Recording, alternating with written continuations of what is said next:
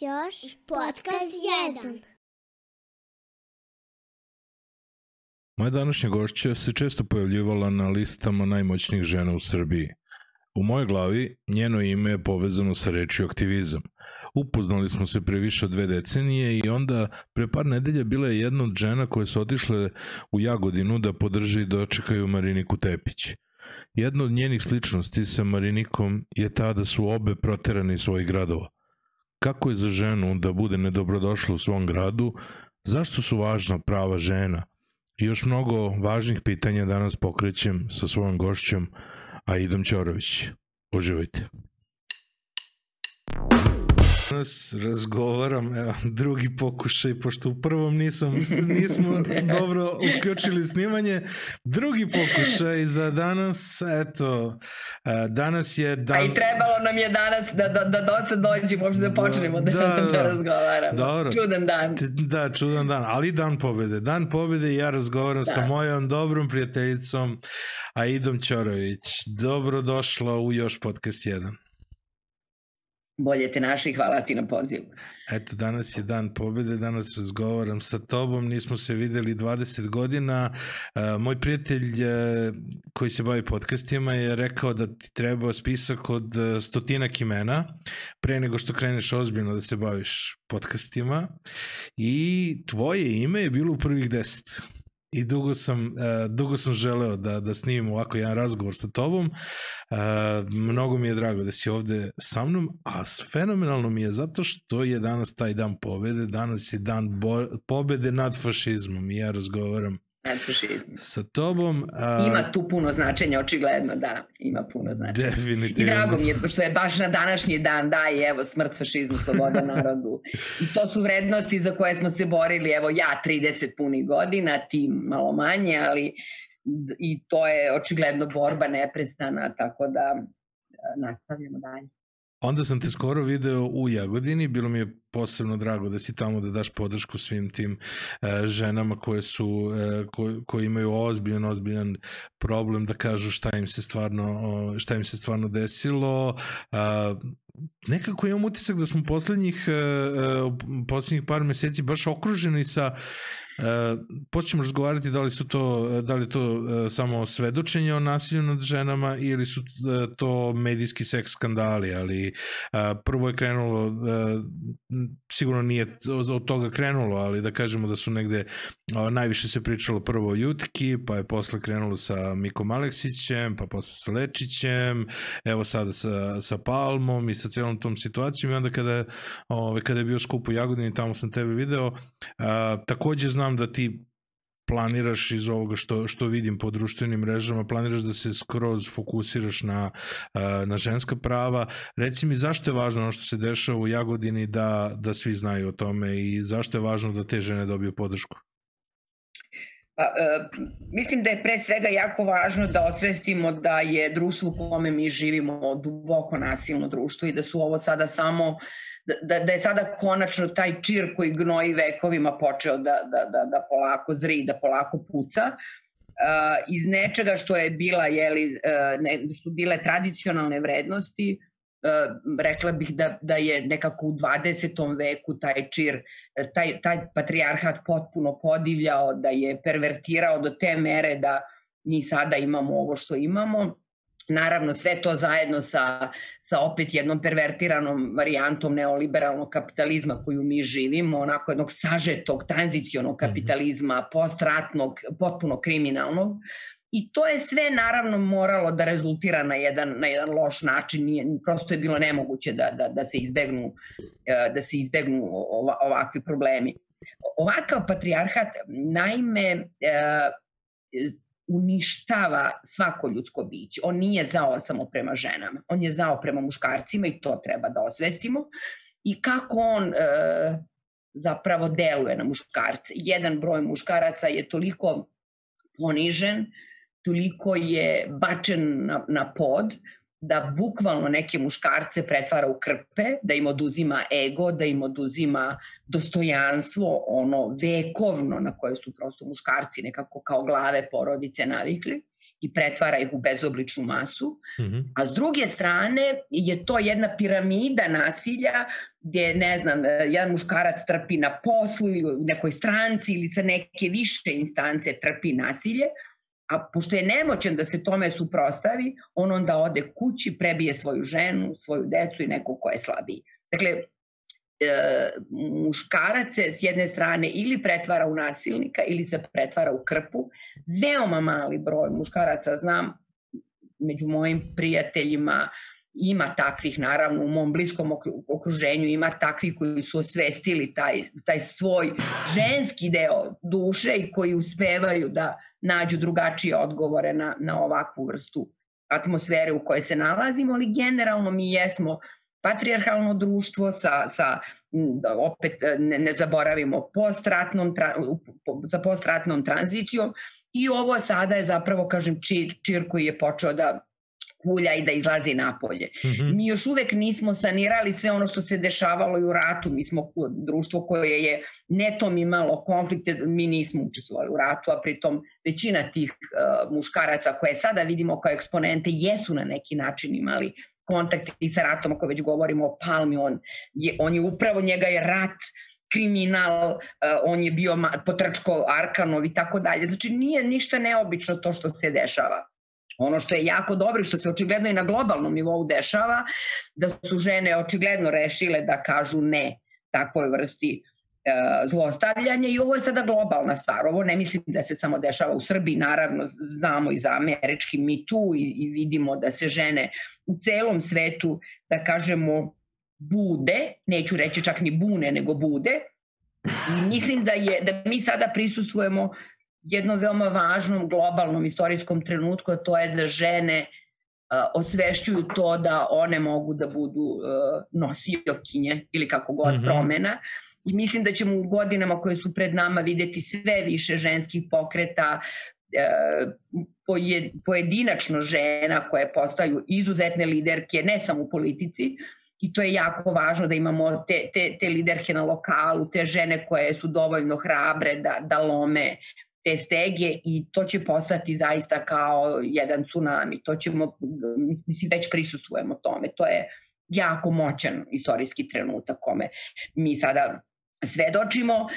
S jedne strane jeste teško, ali baš zato što je teško to na neki način testira našu snagu. I ja sam, da kažem, u tom smislu nemam dilemu da, da će ostatak mog života i godine koje su predamnom biti upravo posvećene toj priči, I mislim da sve ovo što sam učila kroz ovih 30 godina, mm -hmm. dakle pre svega mislim na antiratni, antiratni angažman, potom ono što sam radila u, sa Urbaninom u mom novom pazaru i sa, sa mladima, Naravno, kroz sve te godine sam uvek bila rubno vezana za, za, za ženski pokret i za ono što su, kako su se žene organizovale. Članica sam god svih važnih mreža u našoj zemlji, ali sada će moj fokus biti potpuno na, na ženskim pitanjima i, i mislim da je zapravo sve to što sam učila u ovih 30 godina je vodilo ka ovom trenutku da sva ta znanja, e, sve te veštine e, na neki način sada kapitalizujem mm -hmm. u, u, i čak neću reći u borbi, jer više ne želim da koristim reč borba, nekako i samu sebe pokušavam da ispravim da se više ne borim protiv nečega, već da se zalažem za nešto. Dakle, u narednim godinama moj fokus će biti u zalaganju za, za, za bolji za bolje uslove za žene na svim nivoima. A recimo... I važno mi je da, da izvini samo uh da, mhm. da kažem još ovo, važno mi je da se te, da se te mreže ojačavaju, da se da se da ponovo da malo resetujemo da podvučemo neke crte u, u, na, na, na sceni feminističkoj i aktivističkoj u Srbiji, da krenemo sa nekim novim zaključcima i tako dalje. Vreme je da sada s nekom novom snagom i, no, i, i zaključcima sa a, osvrtanjem na tri, po, poslednjih 30 mm -hmm. godina i da vidimo šta su, šta su lekcije koje smo naučile i sa, tim, sa tom svešću o naučenim lekcijama i sa nekom novom snagom a ja moram da, da ti kažem da bez obzira što sam, što već imam i dovoljno godina, ali e, nekako mi s puno ljubavi, s puno energije i s puno posvećenosti e, gledam na, na, na, na ovo što, što je sada sledeća etapa u mom životu. Reci mi, e, kako sprečiti preterivanje? Jer imamo sada situaciju, uh, mislim da, da sam ti poslao link, uh, bukvalno u američkom kongresu su završili molitvu sa Amen and a woman, misleći da je Amen se odnosi na muškarce, što je Amin. Uh, I prosto imam utisak da u nekom domenu uh, ja razumem da i prvi želim da pomognem aktivizam, ali često aktivizam pređe u neki, neki ekstremizam koji je do tog nivoa po, postane e, crni beo. Kako možemo da, da, da budemo aktivisti, a da napravimo dobre kontrolne mehanizme da se ne pretera u tome? Jer imamo veliki problem kada, kada e, želja za nečim e, prevaziđe ono što, što stvarno radimo. Mislim da, da, da ne treba da u ovom trenutku mislimo na to. Sve što, je, što ljudski rod radi uvek postoji i ona neka negativna strana, sve e, istorije ljudskog postojanja, istorija ljudske vrste je e, istorija čorsokaka i odlazaka tamo gde, gde, gde nije dobro. E, mislim da ne postoji niko ko može da ti kaže šta je kontrolni mehanizam i niti treba da ga ima. Ja mislim da, da, da je prerano da, da govorimo o kontrolnim mehanizmima. E, s druge strane, mislim da mi previše gledamo ono što se dešava u Americi, a ja zaista mislim da američka demokratija nije, nije etalon onoga što, što treba svima da nam bude kao primer svako društvo treba da nalazi svoje modele. E, nema u istoriji ljudskog roda ništa što je unapred zadato i što mi vidimo i mer, mislim, da unapred znamo. Mm -hmm. Svi smo mi u potrazi za neči. Mi, mi smo... Uh, mi zapravo putujemo i kroz to putovanje učimo i o sebi i o procesima, nekada zalutamo, nekada se dešavaju čorsokaci, ali e, važno je da se, da se društvo kreće. Ja zaista mislim da onog trenutka kada budemo imali više žena, e, pre svega na lokalnom nivou, pre svega kada te inicijative krenu od grassroot, mm -hmm. da kažemo, da, zaista od, od, od najniže, kad su one autentične, mm -hmm. kada one nisu e, kako bi rekla, prouzrokovane kvotama i tako dalje, kad je ta potreba stvarna, istinska, kada je ona iz srca, Mm -hmm. Za malu zajednicu, kada se na, na, u nekom selu, u nekoj opštini, mesnoj zajednici žene organizuju i žele da pomognu sebi, jedna drugoj i da pomognu svojoj zajednici, ja zaista verujem da će svet postati bolje mesto za život. Ja sada ne govorim o kongresima američkim, ja govorim o onome što je elementarni nivo, bazni nivo. I u tom smislu ja uopšte nemam sumnju da će ta vrsta potrebe i ta vrsta potrage biti dobra i da će ona e, kako bih rekla, biti, biti e, sigurno bolja nego što ovo imamo sada. Šta je problem sa, sa, sa modelima koje mi vidimo, ovo čemu si ti sada pričao? Žene su, nažalost, ušle u klopku upravo patrijarhata protiv koga se bore mm -hmm. i ponavljaju matrice uh, supremacije, ponavljaju matrice uh, tuče, borbe koja nije ženski princip. To nije ženski princip. Ženski princip je onaj koji istinski iz duše stvara, kreira, e, stvara život i tako dalje. Mm -hmm. Nemam ja ništa naravno protiv da, da, da, da feminiskinje uzmu i oružje ako treba i da se bore, ali E, primenjivati ista sredstva koja su se u patrijarhatu primenjivala, koja su muškarci vekovima primenjivali. Dobro. I e, to nas je dovelo do toga da mnoge žene su zapravo najpogrešniji mogući primeri e, borbe za, za, za, za ravnopravnost. Pogledaj našu političku scenu. Ni jedna od tih žena ne svedoči zapravo e, stvarno istinskoj borbi za, za, za, za, za, za rodnu ravnopravnost. Mm -hmm. One su primer kako, se, kako je sve pogrešno u toj borbi su e, ove žene. One su etalon za pogrešne načine. One zapravo su podanice jednog velikog gospodara, e, prema njemu su servilne, čutljive, saginju glavu, ali su zato osorne prema slabijim. Mm -hmm. To mhm. nije to nije ono što što treba da odlikuje istinsku žensku borbu. Dakle, te žene su ono što, što godinama se smo i proučavali, dakle one, one prenose takozvani zatvorski manir. Znamo da su u zatvorima u logorima najgore uh, uh, žene uh, bile one koje su, ili u zatvorima bez obzira neko ko je među, među da kažemo, izabranje među zatvorenicima, pa on onda bude nasilni. To sada te žene u, u, u politici, od Hillary Clinton pa do, do ne znam, Ane Brnabić zapravo rade.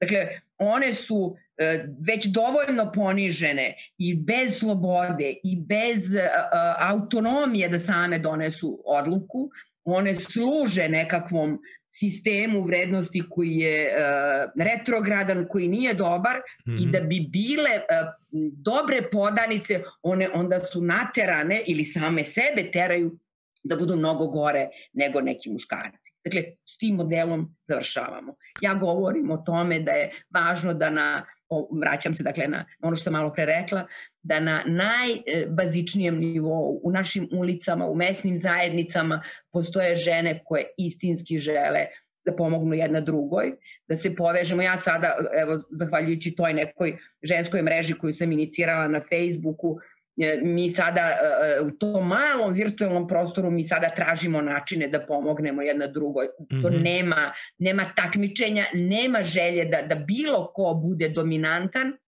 Ja se sada trudim da podignemo, da uspostavimo resurs centar i u kome neću ja donositi ili ne znam neka od nas ko, ko će biti nekakva velika šefica u kome će donositi mm -hmm. odluke. Ne, to mora da je visoko participativan proces gde će svaka žena osjećati potrebu da sama da deo kapaciteta koje ima. Mm -hmm. Nećemo meriti koliko su ti kapaciteti i jako je važno da to bude zajednička priča i da to bude, kako bi rekla, da, da svaka od nas osjeća da je to deo vlasništva. Da ništa ja nisam važnija nego bilo koja žena, bez obzira koliko, koliko učestvujemo u tome. Kada to budemo osvestile, kada budemo imale svest o tome da jedno drugoj pre svega pomažemo. Da li ćemo da, da pomognemo da se organizujemo tako da, da, da jedna drugoj čuvamo bolesne roditelje ili malu decu ili ćemo zajedno da kreiramo neki novi posao ili ćemo da radimo neke poslove koje su vezane za zelene ekonomije i tako dalje i tako dalje. To je to je onda sigurno put koji će rezultirati mnogo boljim rezultatima i uspesima Tako da je bolje da sada ne, ne pričamo o, o, o modelima koji su zapravo koji prolaze, mm -hmm. koji su sada već deo istorije, već da gledamo kako ćemo na najbolji mogući način uh, da se mi žene organizujemo i da naravno organiz, da, da, da tražimo potporu muškaraca koji su osvešćeni, koji razumeju tu potrebu i razumeju da svet može i mora da bude bolji ako, ako žene daju više, više od sebe. Gde su šta žene koje izađu da, da brane Jutku i da brane Palmu? Pa o, to su upravo žene upravo, koje su... Ova koje priča su, da. ili... Da. Pa one su upravo zatvorenice. One to nažalost ne razumeju ili većina njih ne razume ili čak se bojim da mnogi razumeju, ali su jednostavno e, pritarane u zid, mm -hmm. mnoge su ucenjene egzistencijom, verovatno su neke od tih žena jedine koje dohoduju, koje jedine koje zarađuju. Ja nemam iluzije naravno da, da ima žena koje su potpuno tu iz lukrativnih razloga i one su upravo one žene o kojima, o koj, kojima sam sada pre par minuta govorila. Mm -hmm. One su te, te taj um, model koji, koji se dodvorava uh, jeli šefu, vlasniku i tako dalje. Uh, I naravno da će takvih žena uvek biti, to nije sporno, postoje prosto oportunistkinje koje žele kraćim stazama da dođu do novca, do nekakvog, jeli, ne znam, da možda kupi sebi tašno od par hiljada eura, da je, mislim, prosto je ceo svet sad zaglavi u toj nekakvoj, kako bi rekla, uh, ne znam, modelima koji su potrošnja, potrošnja, potrošnja, pa, pa mnogi, nažalost. Jeste, apsolutno, jedan kupoholičarski i tako dalje, potrošački, mm -hmm. potpuno ne, neprirodno potrošački ovaj mentalitet. Međutim, zaista ja duboko verujem da je među ženama koje su i potpisale ovu ovaj tužbu za Mariniku Tepić i mnogi od tih nesrećnih žena koje su skandirale i podržavale Jutku su primorane I najstrašnije što one zapravo ne razumeju da je to jedna vrsta javnog silovanja. Mm -hmm. Što one e, pristaju da budu javno silovane, da budu javno izložene poruzi i da, da ih da e, one da aplaudiraju svom vlasniku, mhm. -huh. oni se bukvalno ponašaju kao vlasništvo i na taj način priznaju da su vlasništvo jednog bahatog, primitivnog zvizgana koji, koji ceo jedan grad teroriše i one negde ne razumeju da, da su na taj način uh, baš obrukane, da su Ali baš zlupotrebljene i baš Šta možemo uraditi sa njima? U smislu, da li možete sa njima, njih... Sa njima, njima moramo podršku da damo. Ja sam, to sam, evo, video si, verovatno sam ovo bila par, sad poslednjih dana nešto na, na, na televizijama i meni je to Uh, ja sam i otišla u Jagodinu ne samo da podržim Mariniku koja je moja drugarica 100 godina i aktivistkinja i mnoge smo bitke što kažu tukle zajedno, jednako koliko sam otišla da podržim nju, ja sam otišla da podržim i te žene i da im kažem da nisu sami. I ako bilo koja od njih želi da progovori, mi smo tu i mi ćemo naći načine da, da ih zaštitimo. Strašno mi je bilo važno da budemo tu i zbog tih devojaka, devojčica, sada su to već mlade žene uvelike, koje je, koje je čitav taj establishment Palmin zlostavljao godinama i da im kažemo da razumemo. Ja razumem da su one u zatvoru. Ja razumem, nama je tog dana priš, pri, jedan bračni par je stajao uz nas i gospodin mi se obratio i rekao mi je i da prepoznao me sa, sa, sa medija, verujte mi da je mnogo gore nego što možete da zamislite i nego što se govori. I ja e, razumem, ja sam živela u malom, u maloj sredini, znam kad je kad je sve, kad je stvorena jedna zatvorska, kad, zatvorska atmosfera, kad živite u, u, u rešetu, zaista u zatvoru, iza rešetaka, te rešetke se ne vide bukvalno, ali one, one postoje. To se osjeća kad se ode tamo. Znači, e, Palma je napravio i, i mali palmići po, po čitavoj Srbiji su napravili do ovog vrhunskog palme koji nam je svima zapravo e, stavio, sve nas je stavio jedan zatvor.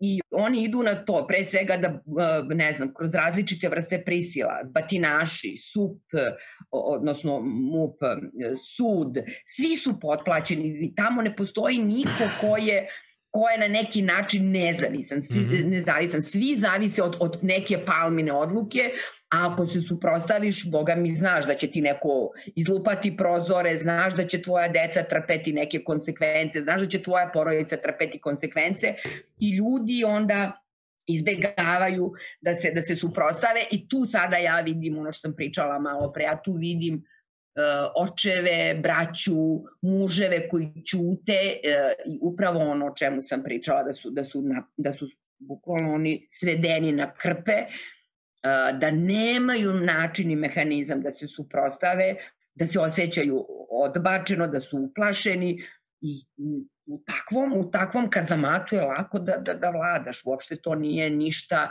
ništa neobično. Mi znamo da će, ti, da, da će Palma i njegovi batinaši uh, uraditi sve, uh, da, da će izlomiti nekog čoveka na različit i fizički i mentalno ako se suprostavi. Pogotovo ako je sam i ako je izložen. -hmm. E, ako se, ako se desi neka vrsta grupisanja, ako se desi nekakav bunt koji je organizovan, bojim se da će ta onda snaga palmina početi da se rastače. I u tom smislu je strašno važno da mi podržimo te žene. Jednog trenutka ne smemo da ih osuđujemo, moramo da razumemo njihove mehanizme, moramo da razumemo njihove potrebe.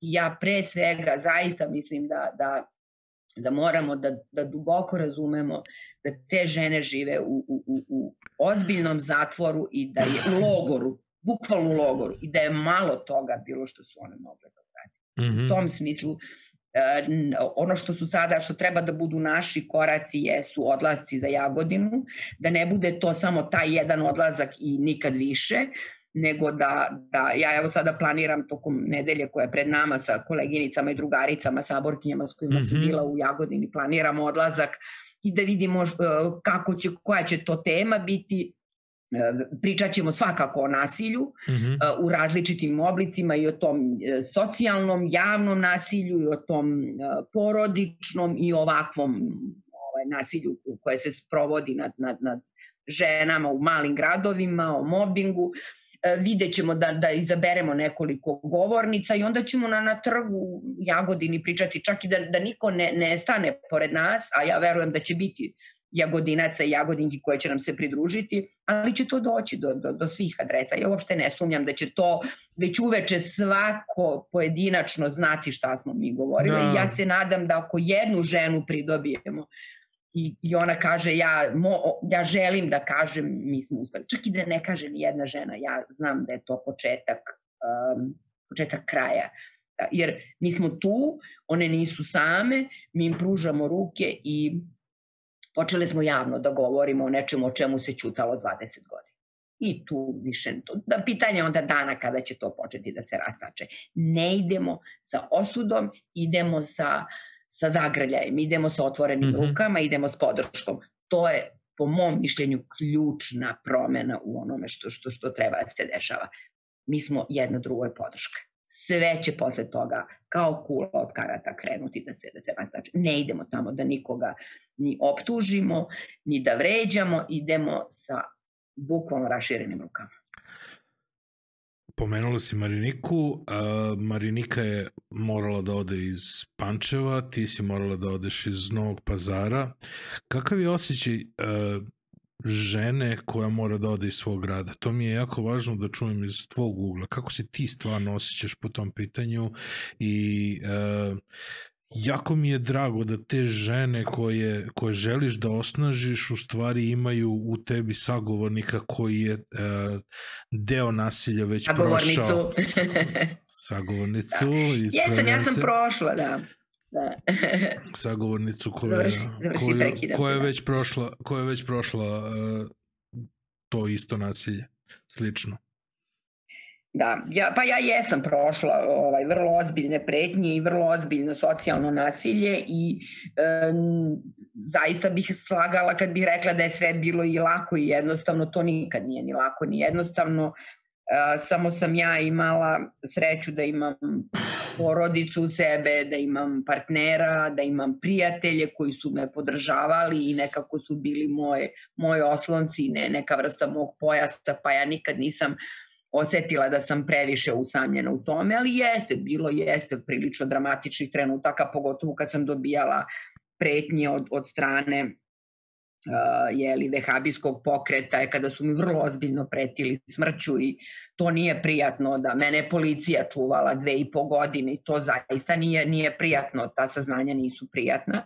Ali ja nikad nisam imala dilemu ovaj, da li, da li treba e, da odustanem, prosto je to nek, na neki način bio moj izbor. Ono što je mene e, jedino moglo da, da uzdrma jeste to da, da svoju porodicu dovodim, e, odnosno porodicu svog brata i stare roditelje da ih, da ih dovodim u jedan nezavidan položaj i to je nešto čim sam se ja uvek, da kažem, šta, borila i šta me lomilo i potpuno mogu da razumem da ljudi odustaju od razno raznih borbi jer, jer se jer ova bagra ne preza da, da, da, da udari na, na tamo gde ste naj, najslabiji, na decu pre svega. I to je ono gde ja imam puno razumevanja da ljudi ovako da kažem začute, nisam za to da, da se naravno potpuno da čovjek odustane od svake borbe, ali razumem da, da, da je lako čoveka učutati ako mu zapretiš preko dece, iako ako postoji mogućnost da mu ugroziš decu.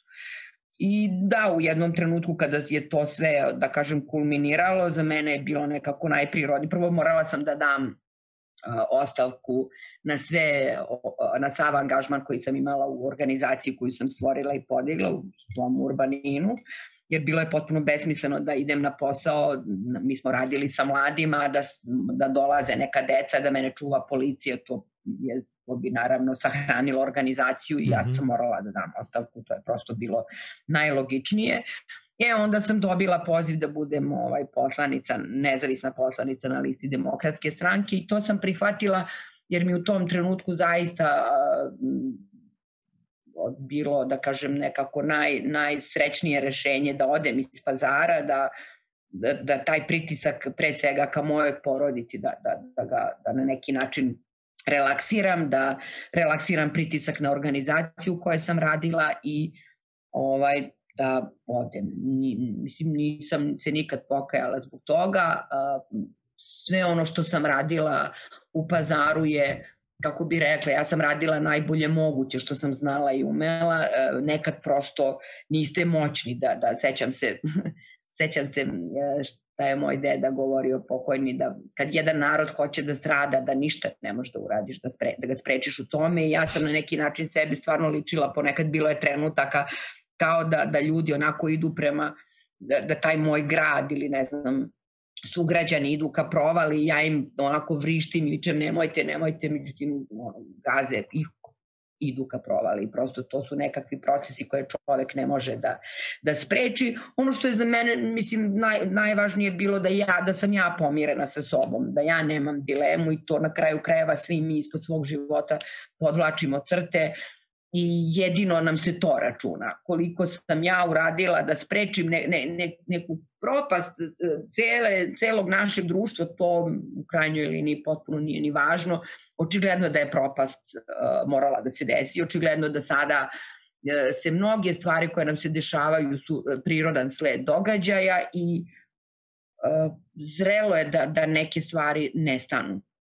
Mi smo mhm. kao društvo veoma, kako bih rekla, tražim zaista na, najbolji izraz, previše se nagomilalo starih, retrogradnih, anahronih i emocija i stvari koje, koje nisu dobre za nas i to mora da puca. Dakle, ja u tom smislu nemam dilemu, neke, neki procesi prirodni moraju da se, da se dešavaju, a moje je da ja radim na najbolje kako mogu i umem i da se to jedino zapravo računa. I nisam, nisam nesrećna što sam otišla iz, iz svog novog pazara, e, trebalo mi je zbog nekih porodičnih stvari da nekoliko godina da uzmem za sebe i eto sada sa nekom novom snagom i iskustvima koje imam da počnem sada jednu novu fazu života i mislim da će to sve rezultirati jednim dobrim, dobrim ovako da kažem, procesom.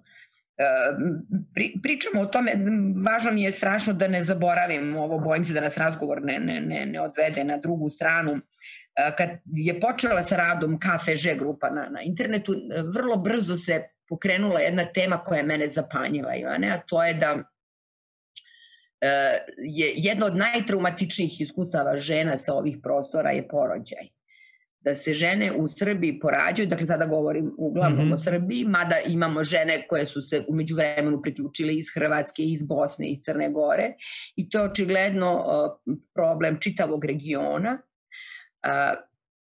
i ja sam bila zapanjena, pošto ja to iskustvo nemam, ja se nikad nisam porađala, da uh, se većina naših žena, dakle taj trenutak koji treba da bude najsrećniji, najveličanstveniji za jedno ljudsko biće, donosiš novi život na svet.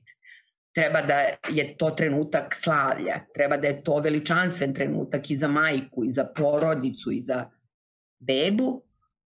Mi imamo nešto što je sve suprotno od toga, imamo poniženje, imamo uvrede, imamo šamaranje porodilja i tako dalje. Ja sam bila zapanjena svedočenjima koje su u ta dva dana, tri dana žene iznosili. Mm -hmm. Ja sam bila toliko potresena i toliko konsternirana tim saznanjem i onda su mi se samo posložile kockice, pa nije ni čudo da imamo društvo kakvo imamo.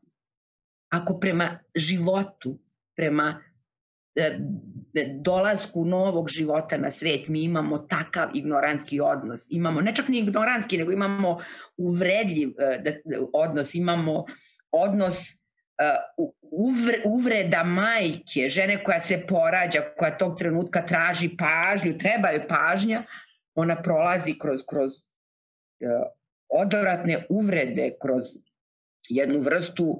Od koga stižu te uvrede? Na nasilja? Stižu od lekara i od babica. Aha. Stižu od osoblja u bolnicama. I za mene je to zapanjujuće da, da takve osobe uopšte rade u bolnicama, ali takođe mi nismo pitali ni njih. Treba da pitamo i njih zašto to rade, zašto su, zašto su prihvatili da budu ginekolozi, ginekološkinja, babice, kad, kad to niti žele, niti mm -hmm. umeju da rade. Šta, šta je, koji je njihov problem? Da sednemo pa da svi zajedno razgovaramo i da kažu umesto da bude muzika, umesto da bude cveće, umesto da bude lepota, umesto da sa radošću se donosi da, da ženama to bude uteha, a ne da, da šamaraju da vređaju. Ne, ne želim da uopšte mhm. ponavljam rečenice koje sam pročitala u tih par dana. To su najgore, najodvratnije uvrede, najodvratnije uvrede ponavljam. Dakle, mi imamo ozbiljan problem. I onda se čudimo zašto imamo nasilno društvo, onda se čudimo zašto imamo jutke i palme, onda se čudimo zašto imamo sukober svako malo. To je elementarno nepoštovanje ljudskog života. Ljudski život treba da se slavi, on je vredan. Svaka žena, svaka majka koja se porađa je u tom trenutku kraljica, ona donosi novi život na svet i mesto da bude slavljena, ona bude ponižavana. Dakle, nešto naravno, ozbiljno, naravno, svako... ozbiljno nešto i duboko nije u redu sa nama. Dakle, ovde je Ovde treba strašno mnogo da se čisti jako mnogo slojeva blata, gliba, fekalija da se skida da bi mi postali koliko toliko normalno društvo i hajde da stvari vrać. E zato je važno da žene, da žene govore otvoreno i zato je važno da pričamo o, o stvarima koje su koje su za žene važne i nema oporavka ovog društva ako ne krenemo tako bazičnih stvari ali kompletne porodice, imamo jako mnogo porodice koje žele da se prošire i uopšte nemaju podršku u tome. Znači, podrška je Absolutno. minimalna. Uh, i to... Pa ja sam to, ja sam bila zapanjena kad je puno žena reklo ja sam želela još dece, ali posle takvog traumatičnog iskustva meni više nije padalo na pamet da se porodi. Apsolutno. Ta rečenica je toliko poražavajuća i toliko strašna i zaista da li ova vlast misli da će sa sa uh, besmislenim kampanjama da, da, da natera neku ženu da rodi e, više dece u nemaštini, bez posla, u socijalnoj nepravdi i pritom da na sve donese živo da je neko tamo šamara i da je vređa to zaista. Znači moramo mnogo stvari da razgrnemo i da krenemo od, da, da tragamo zapravo za početkom problema, a oni su mnogo dublji nego što ih što se ponekad vidi na površini. Tako da Pa Sad se vratim na tvoje pitanje, otišla sam, otišla sam od, od izvornog pitanja da, da se pobegne iz, iz, iz svog grada. Ej, samo da te prekinem, ni... samo da te prekinem. Da. Znači, ja stalno vidim da. na TV-u da, te, da ti nikad ne možeš da staneš u onaj blok gde te zovu. Znači, zato sam ti zvao, ajde da pričamo na YouTube-u gde možeš prosto da ispričaš yes. sve što želiš, yes. dokle Hvala. želiš. Da. Tako da, ovaj, i mislim da upravo i zbog žena a, ne bi bilo loše da razmislite o formatu podcasta, da žene razgovaraju sa ženama ja sam da, već, već to i da na, na grupi je to već i pokrenuto i da razgovaramo kao podcast i evo mislim super je da, da, da si to sada pokrenuo, treba će nam naravno pomoć, ja u tehničkom smislu meni je to prevazilazi moja tehnička znanja. Ja sam početnik Ideje isto. Da, i, Ideja je super, onda ovaj početnici da razume. Ideja je da možda i napišemo neku knjigu mm -hmm. o svedočenjima, ima toliko e, tragičnih priča, ali e, za mene fascinantno koliko su žene svoje lične tragedije uspele da sažvaću, da prerade, da svoj bol preoblikuju i da to za njih bude uh, jedan novi rast i da svom životu daju drugu dimenziju. Ja sam bila zapanjena. Čitala sam bez daha uh, svedočenja mnogi, mnogih od njih. One su postale, te uh, žene ne, ne možemo ni da vidimo. Mnogi od njih se bave humanitarnim radom, pomažu e, sirotima, pomažu osobama sa invaliditetom, e, rade nešto u svojim mikrozajednicama. I to je za mene zapanjujuće. Da se, da se nisu prepustile bolu, da nije bol uspeo da ih slomi, već su one uh, zaista napravile herojsko delo od samih sebi od svojih života i da su nadrasle E sad, s takvim pričama mi treba da odemo i do Jagodine, i do Brusa, i do Leskovca, i do Pazara, i ne znam, do Ade, i da, da prokrstarimo celu Srbiju i da kažemo nisi, nisi jedina koja pro, prolaziš kroz, kroz muku, kroz patnje, kroz, kroz bol. Ima nas još i gledaj kako smo mi rešile, kako smo mi e, uspele da, da to, da, da te svoje lomove da, da, da, da te rane nekako zacelimo, Ne moraš naravno da kopiraš naš način, ali evo imaš primer. Evo, evo mi smo to uradile, a ti uh, pokušaj sama, nećeš biti sasvim sama, imaš našu podršku. I u tom smislu mislim da je vredno da, da, da, je, da je pravi trenutak da krenemo. A da li vidiš uh, da je neki od tih problema stvarno rešen? Ja razumem da su te žene e, naučile da žive sa svojim problemima, naučile da na određen način se nose sa svojim problemima, da su e, postale jače iz svojih problema, da su evoluirale na jedan kvalitetan način, ali koliko ja shvatam iz svega ovoga što si mi rekla, ja nisam vidio ni, jed, ni na jednom mestu da je neki od tih problema koje je doveo do toga zapravo rešen, jer su ti problemi sistematski.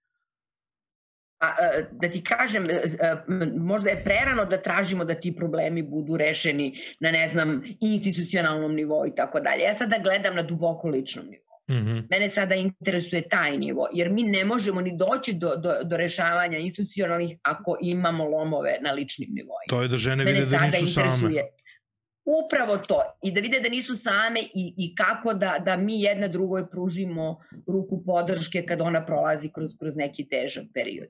I kad to budemo uspele da, da, da, da, da, da dostignemo, mi ćemo uh, automatski početi da menjamo društvo. Mi ne treba ništa drugo da radimo, jer naša, čini mi se da smo mi, evo ja posle 30 godina borbe mogu da kažem da sam u mnogim stvarima bila u zabludi i ono što sam malo pre na početku rekla, više se neću boriti protiv, nego ću se zalagati za, Dakle, sada je važno da, da na pojedinačnom nivou mi ne možemo da promenimo društvo. Mi ne možemo da promenimo društvo ako mi imamo, svaka od nas sama sa sobom ima mhm. gomilu nekih ličnih problema. Dakle, onog trenutka kad počneš da u sebi rešavaš i da lomiš neke predrasude, neke, neke zatvore koji su nam nametnuti iz polja, a kad se povežemo, onda će to, čini mi se nekako, ne čini mi se, nego znam da to, to su prosto prirodni procesi.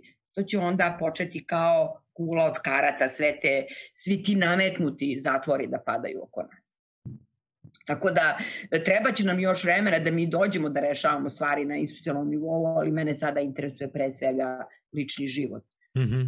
neke žene. Mene sada interesuje, evo sada smo pre, pre dve nedelje smo imali bukvalno na Facebooku kampanju koja je bila vezana za um, odobravanje, odnosno stavljanje jednog važnog leka za, za um, e, metastatski karcinom uh, kancera dojke, mm -hmm. koji već skoro dve godine nikako da tra, zahtevi su da se nađe na pozitivnoj listi.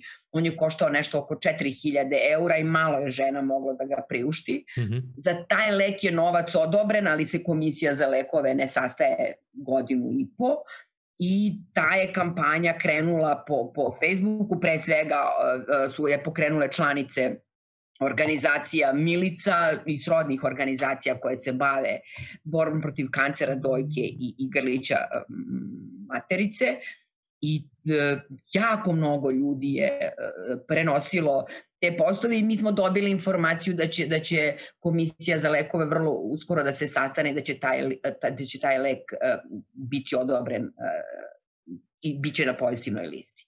A od kada je ta stvari, informacija? To jesu uspesi. Hm? A od kada je ta informacija? Uh, preko prije. Pa to je informacija od pre par dana, to su, to su mi koleginice s kojima se zajedno sastajem ovaj, iz organizacije Milica. Uh, Uh, ne, mi smo, sam mi smo isto aktivistički da. u stepi dobijali gomilu informacije će nešto biti i na kraju samo iskuliraju, zato mi je ono... Ovaj... Pa, mislim, to mi nećemo sigurno prestati, mi ćemo ovaj, uh, tražiti sve moguće načine kako da dođemo do tog, do, tog, do rešenja ovog problema. Jer emocije se jako lako daju obećanja danas, Apsolutno, ja ne verujem ni nikakvim obećanjima dok ne vidim crno na belo. Uh, mi ćemo sigurno javno prozivati i mm -hmm. uh, politički vrh, ali je vrlo zanimljivo bilo da je tih dana je nešto SPC odobren neki novac, naravno ljudi su odmah krenuli, evo daje se za Srpsku pravoslavnu crkvu, ali se ne daje za lekove, daje se i za lekove, samo što to očigledno nekome ne, ne, se preterano ne žuri.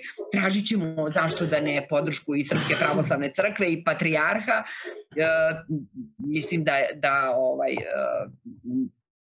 treba tražiti saveznike na te strane, ovo je jako važna stvar, radi se o životima naših, našim li, o mom životu, bilo koje žene, radi se o životima naših majki, sestri, prijateljica, drugarica. E, dakle, ovo je stvar, ovo je crvena linija ispod koje se ne može proći.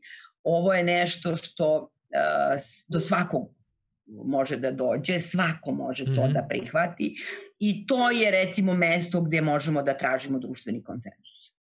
I tu mislim da nema, da samo neko ko je potpuni idiot može da kaže ja ne želim da učestvujem. I mislim da su to e, stvari gde, gde se lome, koji su, koje su neka vrsta uh, milestones ili ne, ne, nekakvih prekretnica i nekakvih tačaka promene. Jer ako se mi dovoljno udružimo i dovoljno budemo glasne, nema te komisije koja će odbiti da, da, da, da stavi lek na, na pozitivnu listu, a mi ćemo učiniti sve što je u našoj moći da, da, ovaj, e, da se to desi i ja sam sigurna, uopšte čak nemam sumnju da ćemo uspeti. Da, Jednog mislim da zdravlje i obrazovanje... Da će, da će to biti jedna od, od, od prvih malih pobeda. Da, ja verujem da zdravlje i obrazovanje bi trebalo da budu uvek prve polazne tačke za bilo kakav društveni konsenzus. Apsolutno. Da. A, Apsolutno. Ok, uh, vratit ćemo se kasnije još malo na, na temu uh, ove, ženskih prava, uh, jer imam jednu temu sa kojom bih volio da, da, da budem pri kraju razgovora. Uh, pomenula si Novi Pazar, uvek se za Novi Pazar nekako pričalo uh, Haida, Rasim, Ugljanin i Muftija. Uh, jako malo ljudi, imam utisak, van Novog Pazara, zna šta se tačno dešava u Novom Pazaru. Jer bi mogla ti za potrebe ovog podcasta jedan na Novi Pazar za neupućene ili Sanđak za neupućene, kako god. Šta se tamo dešava? Šta je ono što ljudi van uh, Novog Pazara treba da znaju o, o stvarima koje se tamo dešavaju? Kakva je situacija uh, tamo iz tvog ugla? Onako ili iz da probaš iz nekog objektivnog ugla čak da izađeš iz sebe i da kažeš eto kakva je situacija u Novom Pazaru za one koji koji ne znaju koji su van Pa ja se trudim da kad je, kad je ovaj moj rodni kraj da budem objektivno uvek, nemam preterano. Možda sam nekad i emotivnije reagovala, to je naravno, verovatno je čovek emotivan kad mu je mnogo stalo. Sada uspevam, što kažeš ti, sa nekom vrstom distance emocionalne da gledam na stvari. Teško da bi nam tri ovakva podcasta ovaj, bila dovoljna da, da objasnim sve šta se dešava u, u Novom pazaru i uopšte u tom ovaj, regionu.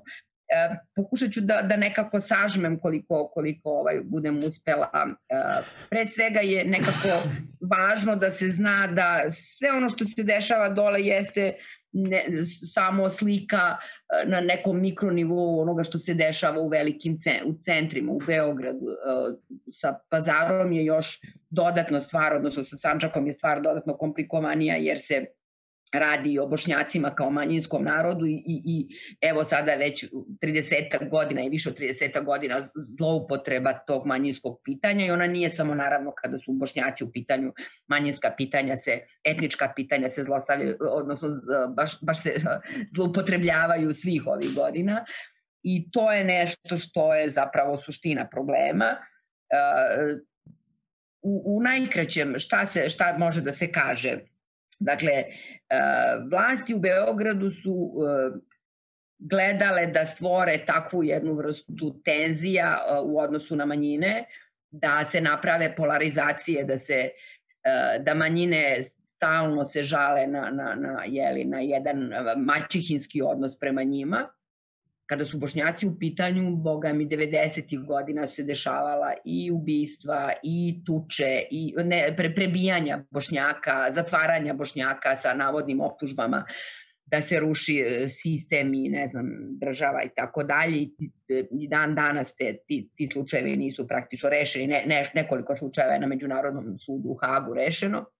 Dakle, uh, znamo da je u Štrpcima oteto i kasnije ubijeno uh, desetak ljudi, bošnjaka, iz, naj, uglavnom iz Prijepolja i okoline Prijepolja i do dan danas mi praktično ne znamo ni šta je s tim ljudima, ne znamo gde su njihova tela, ne znamo.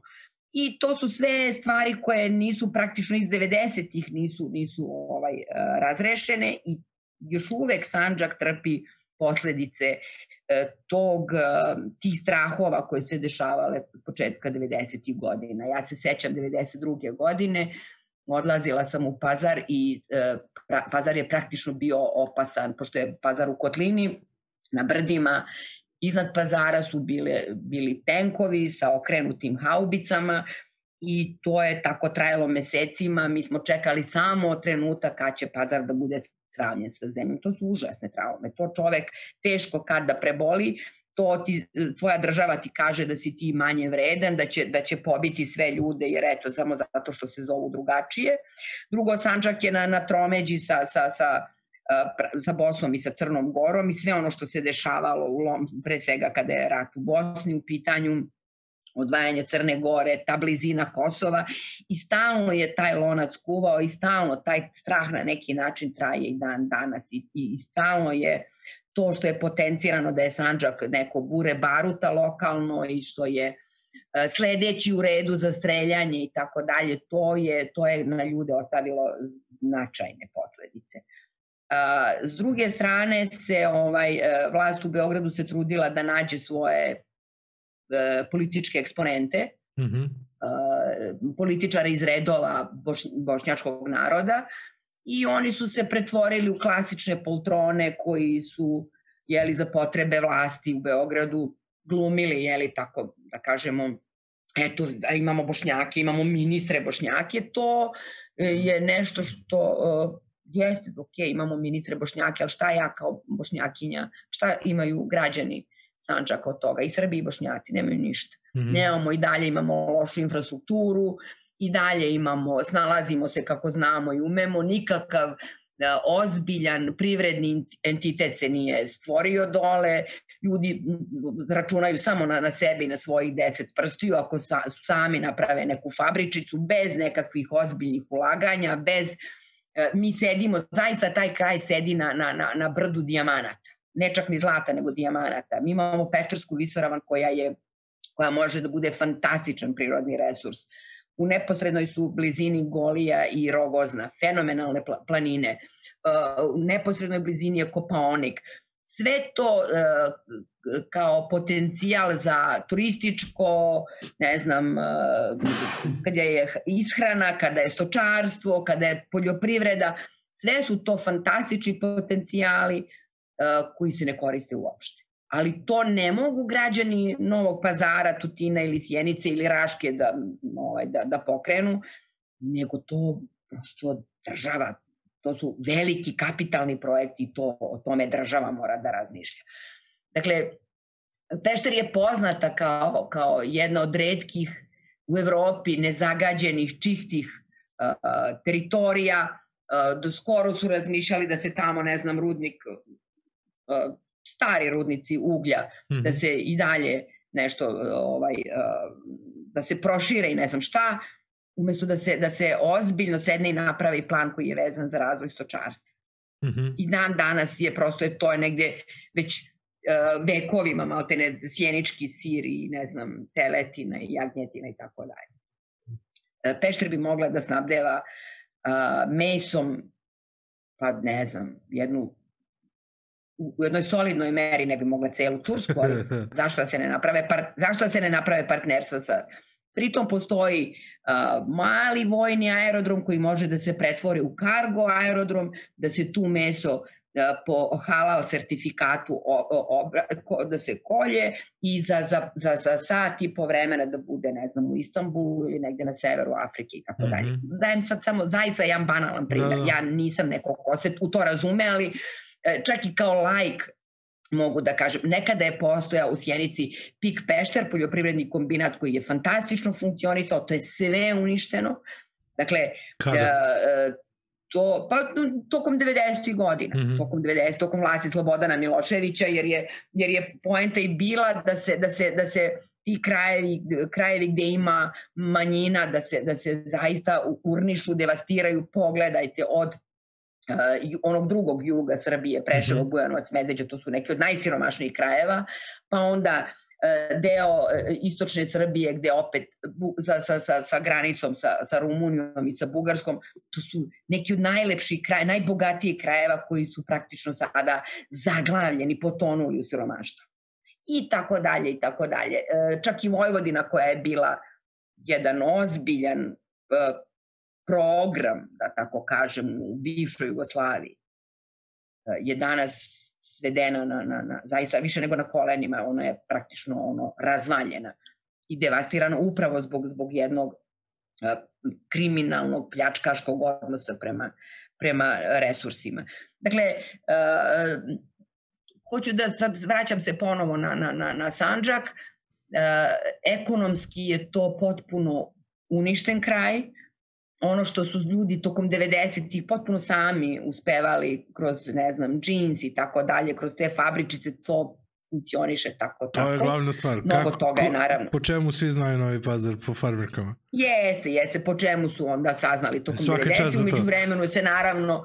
Jeste, ali se umeđu vremenu situacija potpuno promenila. Ne, ne, nemoj da zaboraviš da je tada taj bum bio...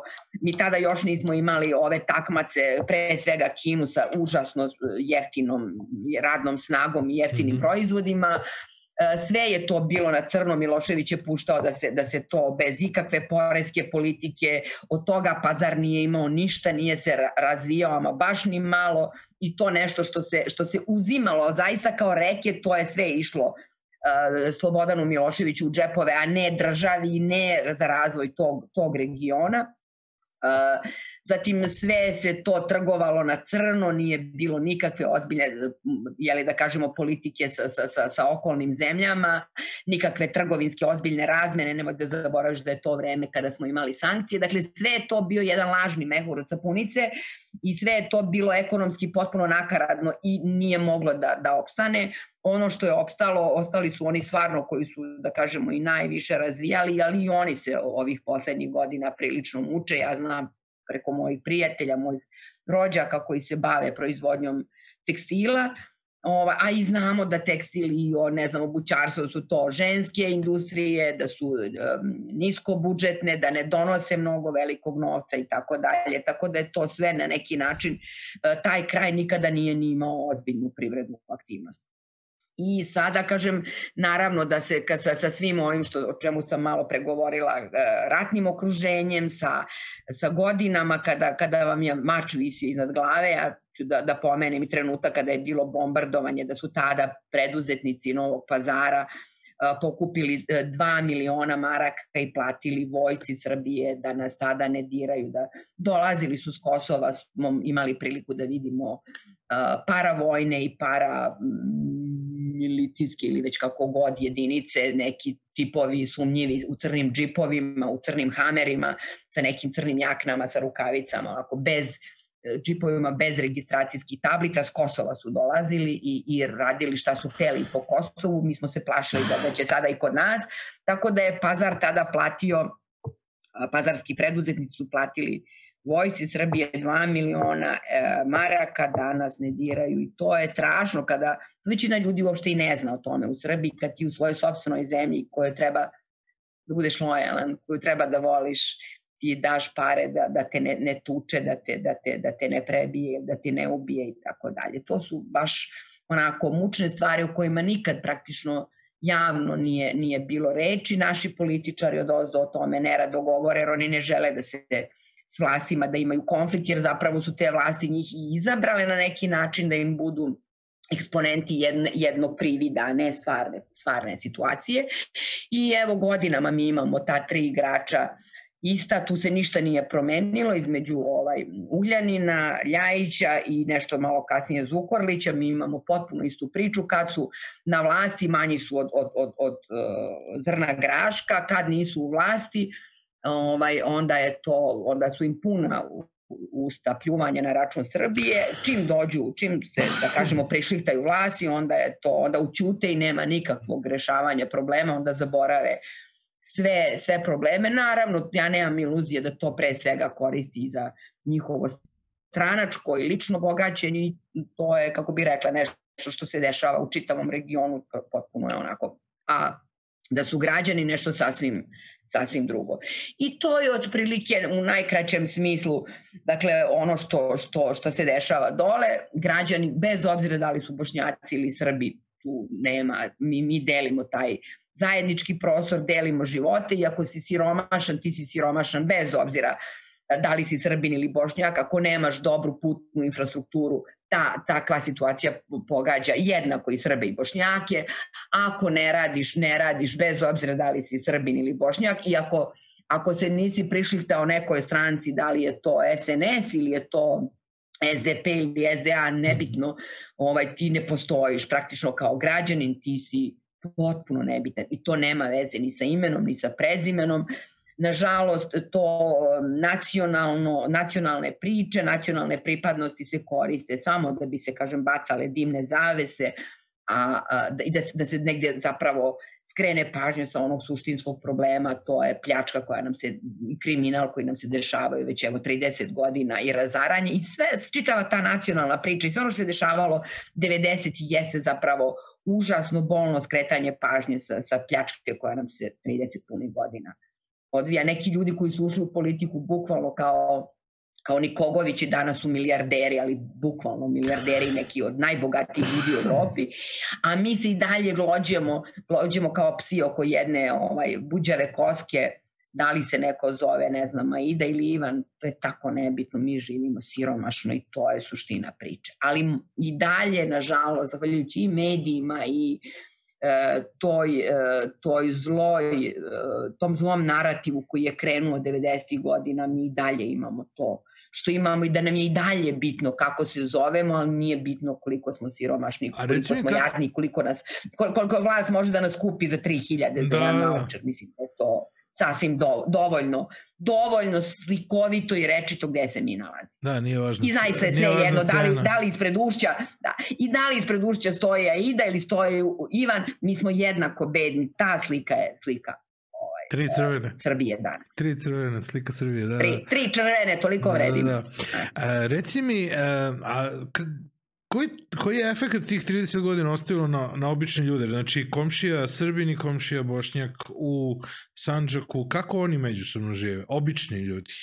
Oni žive i dalje onako kako moraju i ovo baš što sam ti rekla, obični ljudi su svesni toga. Mm -hmm. I mi nikada, čak i u najtežim 90, ono, dok je trajao rat u okruženju, ti, ti se neki odnosi nisu kvarili. Bilo je naravno, kako bi rekla, ja bi sad slagala kad bi idealizovali i rekla da se baš ništa nije osjećalo. Tada su ljudi čak čini mi se posebno vodili računa da ne povrede komšiju, da nešto glasno ne kažu ili ne urade što bi moglo da dovede do, do, do jeli, nekakve iskrice uh, I više nego što bi trebalo, da.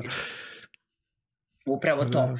I ovaj, a, danas je to, kako bi rekla, jedan, jedan potpuno, da kažemo, normalan odnos, ljudi i dalje funkcionišu zajedno, to kogod kaže da da možeš da sprečiš, to je besmisleno, to su definitivno teme za, za politiku, za medije, to za stvarni i realni život nije priča. To mm -hmm. isto na Kosovu. Ja imam jedan fantastičan događaj od pre 5, 6, 7 godina kad smo nešto, ovaj, e, moj muž i ja putovali e, na, Kosova, trebalo je da se nađemo sa e, nekim stranim partnerima u Severnoj Mitrovici, mi smo nešto putovali jako mnogo, išli smo putem preko Ribarića, pa smo onda nešto preko Zubinog potoka da bismo došli, jer bože moj, postoji samo put koji vodi do Južne Mitrovice, ali mi hoćemo u Severnu Mitrovicu i da dođemo do čuvenog mosta na, jeli, na Ibru, onaj most koji se jeli sa onim uh, vrećama s peskom i sa žicom i tako dalje. Uh, mi smo konačno ne posle grdnog putešestvija u, u ne krajem novembra po, po, po ledenoj cičoj zimi došli do tamo prolazeći pored punktova vojnih, međunarodnih umproforovih uh, i da bismo shvatili da, da, da su nam došli kolege mog muža i kažu pa da li mi imamo drugi most ono kao i onda smo videli još tri mosta na, na Ibru. Svi smo gledali čak i ja koja sam tu praktično odrasla na Ljucomet, svi smo gledali taj most koji stalno prikazuju, on nam je u fokusu, a mi zapravo i ne znamo da postoji još 3-4 mosta na Ibru gde se potpuno nesmetano odvija život. Srbi idu, ta, odnosno Srbi idu tamo na jug, Albanci idu na sever, ljudi rade i sve je normalno. Dakle, to se svima nama, taj most, taj dan, to jutro koje sam, taj, taj ceo, sve to što smo mi doživeli je zapravo za mene na neki način paradigma onog što nam se dešava.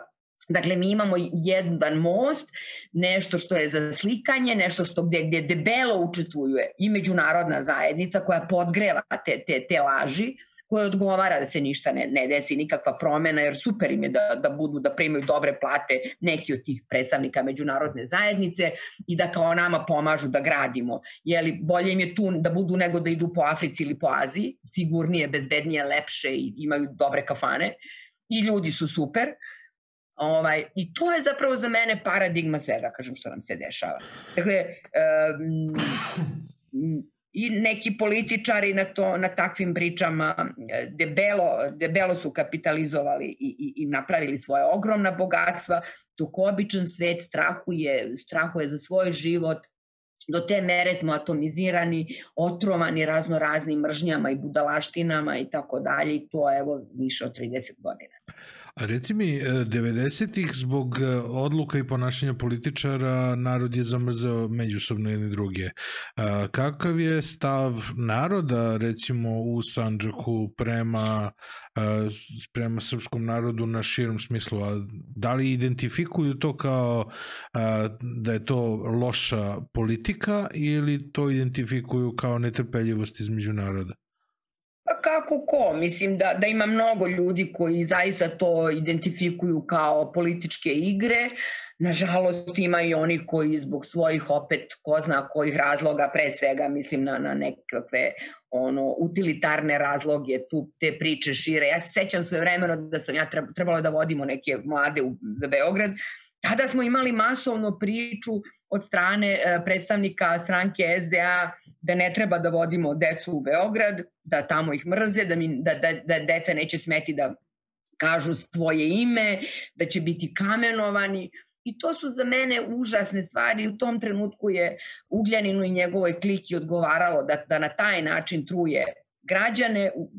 Nisu oni razmišljali o tome kakve to posledice na te mlade ljude može da ima, ne, njima je bilo bitno da se oni na neki način da obaraju ruke s Beogradom. E onda u onog, onog trenutka kada su postali partneri Beograda, odjednom ta priča više nije pila vodu, odjednom je to bio najbolji režim, odjednom su Srbi super i to je nešto što je što je zaista fascinantno koliko ti ljudi E, bez imalo morala, bez skrupula jednog dana pričaju jedno, drugog dana drugo, kao da ništa nikad nisu. Pritom postoje dokazi, postoje snimci, postoje sve to što možeš da, da, da i pozoveš i prozoveš da kažeš dobro bre, pa šta si pričao juče? Ne, oni im jednostavno nemaju problem s tim. To se isto dešava manje više u čitavoj, u čitavoj Srbiji, u celom regionu i to je nešto što čini mi se da polako prolazi. E, vrlo je zanimljivo bilo kad je prošle godine se desila desio onaj pik korone e, tokom juna meseca, ja sam zbog nekih svojih privatnih a, problema bila onako u jako lošem stanju.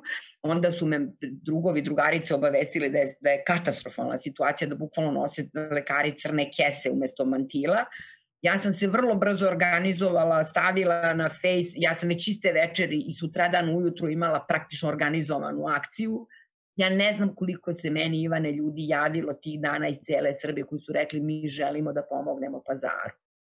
Jer pazarci, kad god mi odemo, prolazimo na more, na, meni ja, ja sam tih dana čula desetine priča kako je neko putovao na more i pokvario se auto, pukla je guma i pazarci su im, odveli su ih do vulkanizera, dali su im da jede, da jedu, da piju, pomogli im, fenomena. I onda Da, ali sećate se, evo, pazarci su kad je bila, ne znam, poplava, organizovali, doneli hranu. Pazarci su uradili ovo. Znači, te priče za mene bile,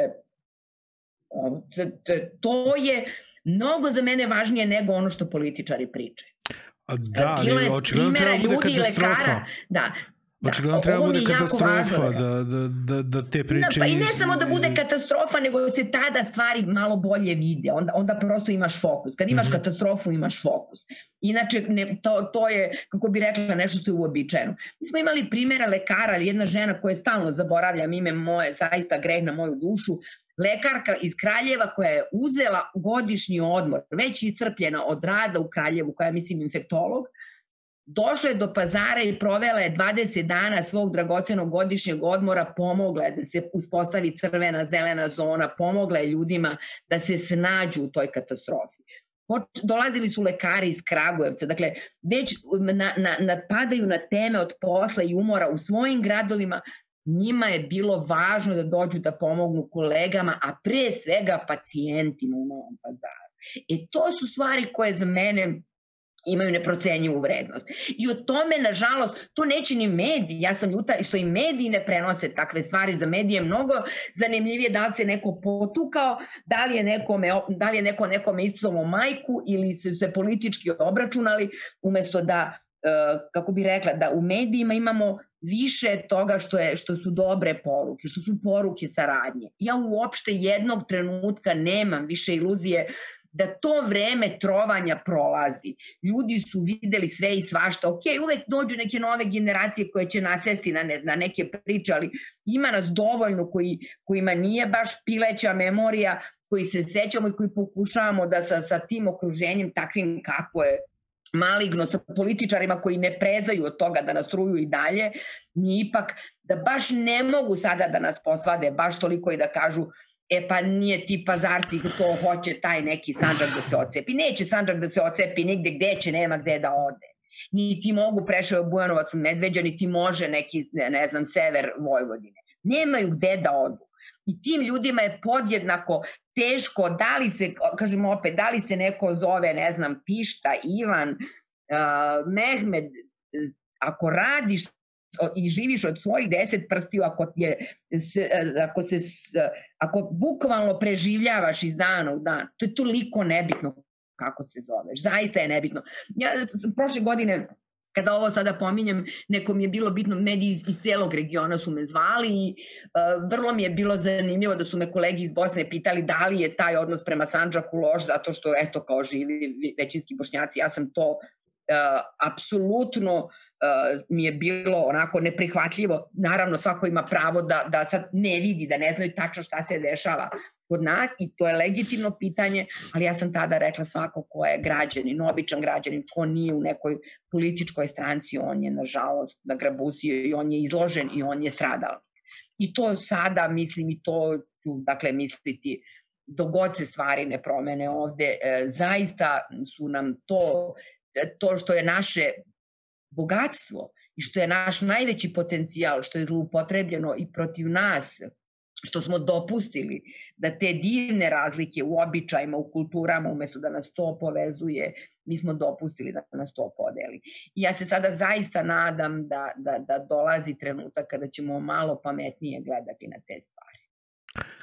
Uh, ako bismo premotali čak i dalje od tvog, to mi je interesantno zato što nikad nisam do, do pripreme za ovaj intervju, nisam čitao tvoju Wikipediju, uh, pročitao sam da si... Nisam ni znala da ima Wikipedija, ne? Ima, ima i... nisam ni znala. Uh, nisam znala, to je neko napisao. Da, piše o tvom, ne, o tvom radu na starom rasu, na Sopoćanima i na uvođenju... Da, da, da, da. da, da tako da, da. kada to je, si malo. To je najlepši period mog života. Da. Eto, da. hoću to da čujem. Znači, uh, kada si malo pre... Eto, a ti pritom nisi to pomenula, a to mi je izuzetno važno zato što treba gledati na, na Sanđak i kao na mesto koje je na neki način e, bilo kolevka srpske srednjovekovne države. O da. Srp, srpska srednjovekovna država je nastala u starom rasu i zahvaljujući tvom timu je ušlo u, u, za, pod zaštitu UNESCO-a. Uh, hoćeš pa to nije, da... bilo bi neskromno da kažem da je baš zahvaljujući mom timu, jer je to ušlo mnogo pre. Ja sam bila devojčica kada je 78. godine, naime, mm -hmm.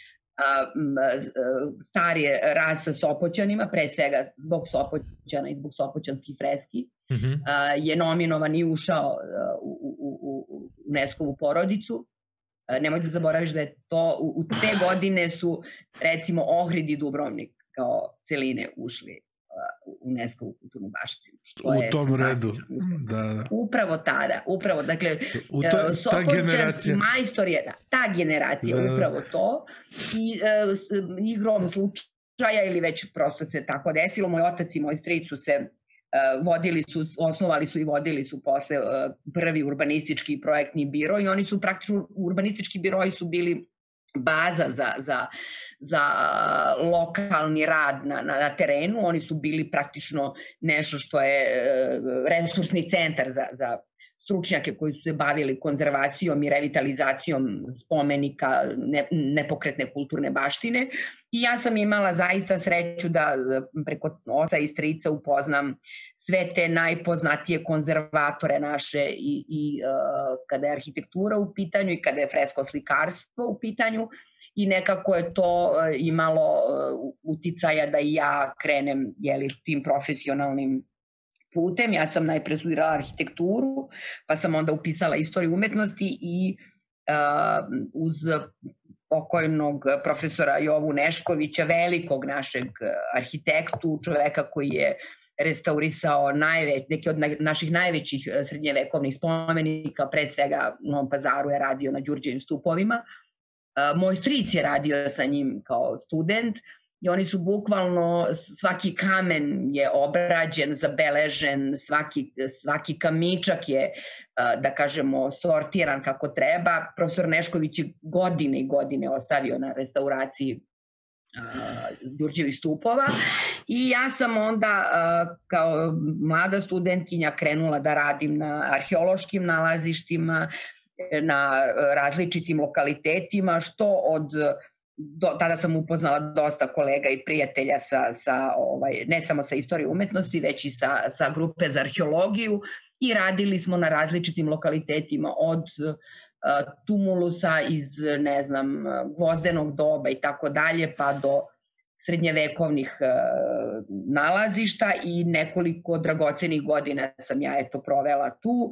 Sa profesorom Neškovićem sam imala čast i sreću da sarađujem, nažalost, vrlo kratko i u projektu koji nikad nije zaživeo, jer su već se bližile e, bližio se rasplet, raspad Jugoslavije. E, naime, e, profesor Nešković je želeo da radi restauraciju stare čaršije u Novom pazaru mm -hmm. i ja sam bila u grupi mladih ovaj, stručnjaka koji su pomagali profesoru Neškoviću da uradimo snimanje čitavog terena, išli smo od kuće do kuće, sta, u staroj čaršiji crtali, snimali i pravili smo, da kažemo, taj nekakav uh, podlogu za, za predlog za restauraciju čaršije. Nažalost, to su skupe i velike stvari, veliki projekti i iza toga opet samo može država da stane, nikako ne može lokal, lokalna uprava.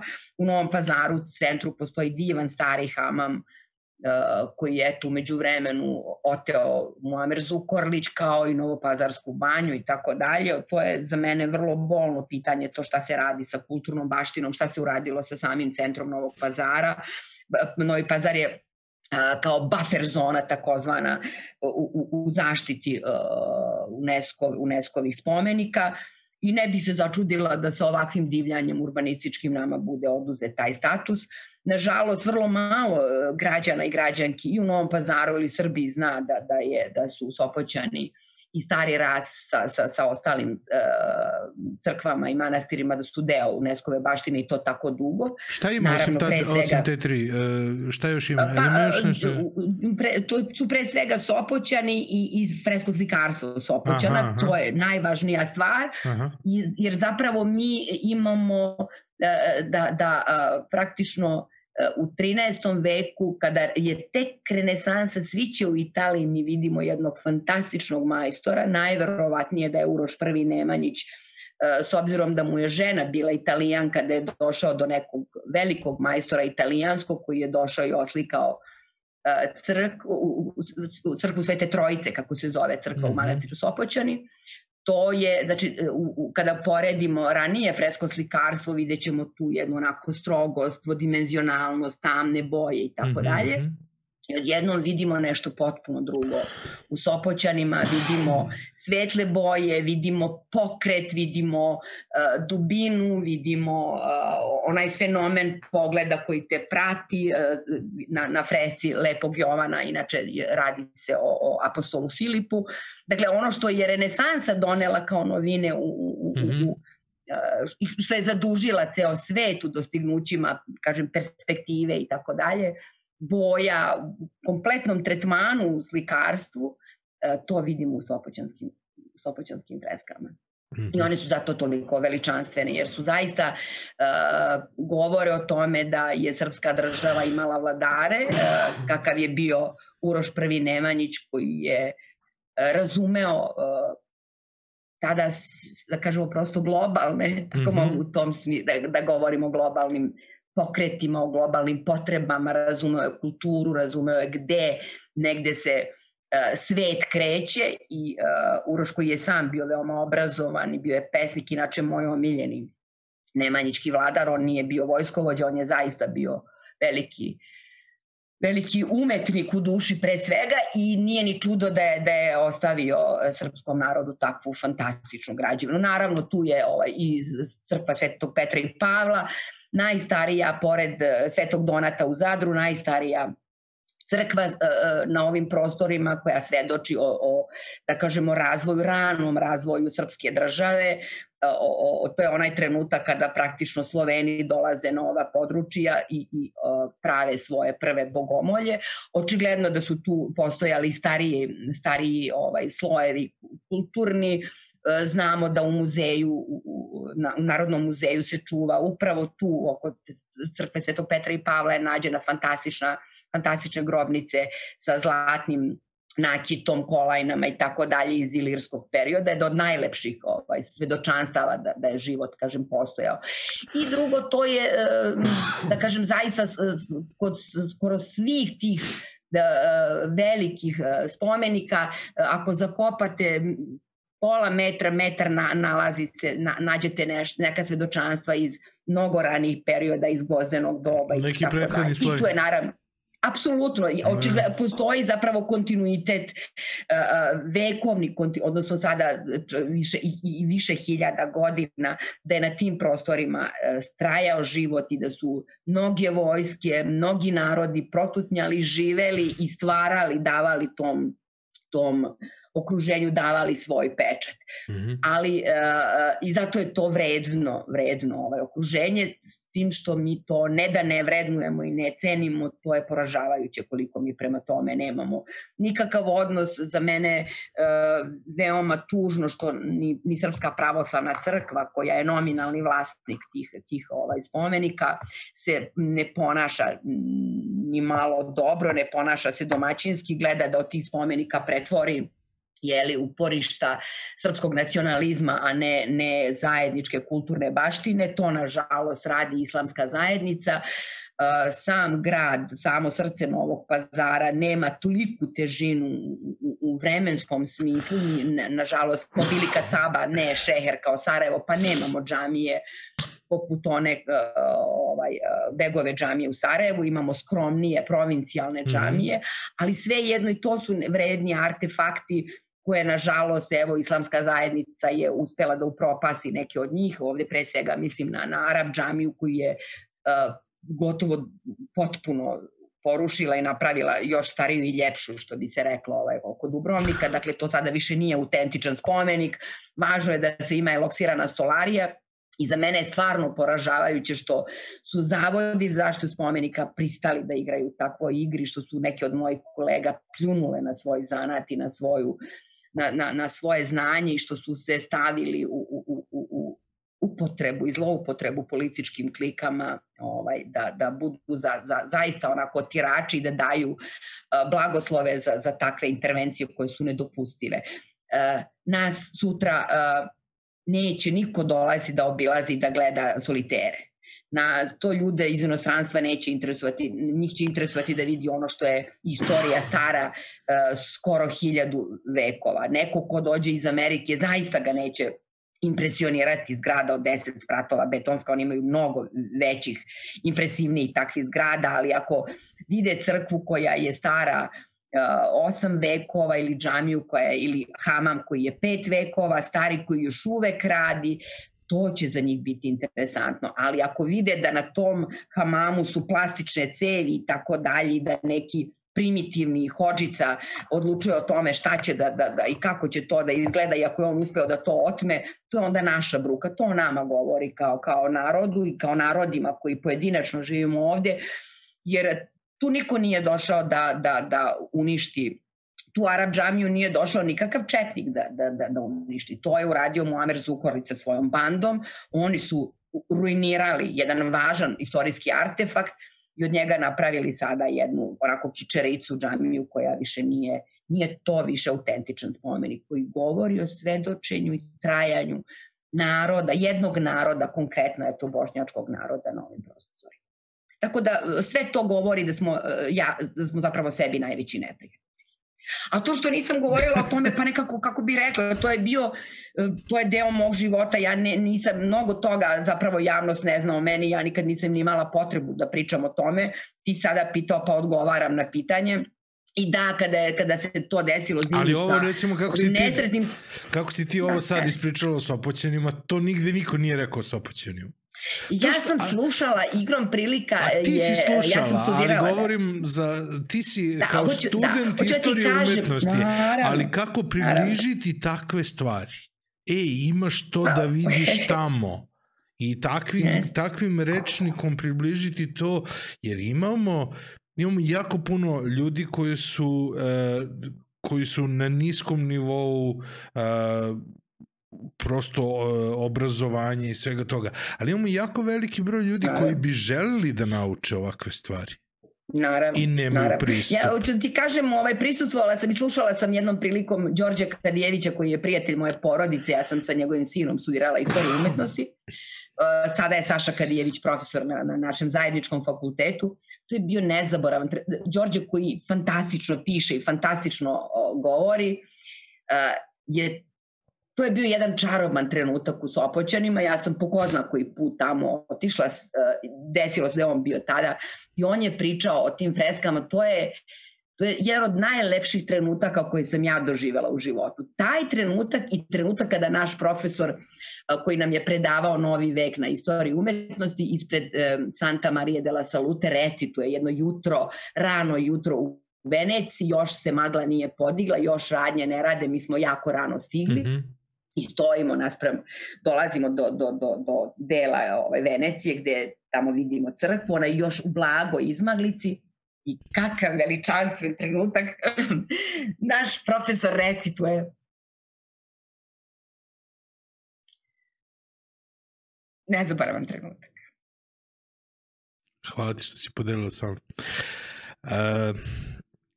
ja sam sada imao priliku da, da slušam recimo Andreja Starovića kada priča o lepenskom viru. Imao sam priliku neke sjajne... Da, njega sam upoznala na, da, nje, neke sjajne... Na Kopovniku jedne godine kad je neke radio. Neke sjajne istoričare koji upravo pričaju o ozbiljnosti ovih prostora, o tome koliko je ovde uh, rođeno rimskih imperatora, kako, kako su Naravno.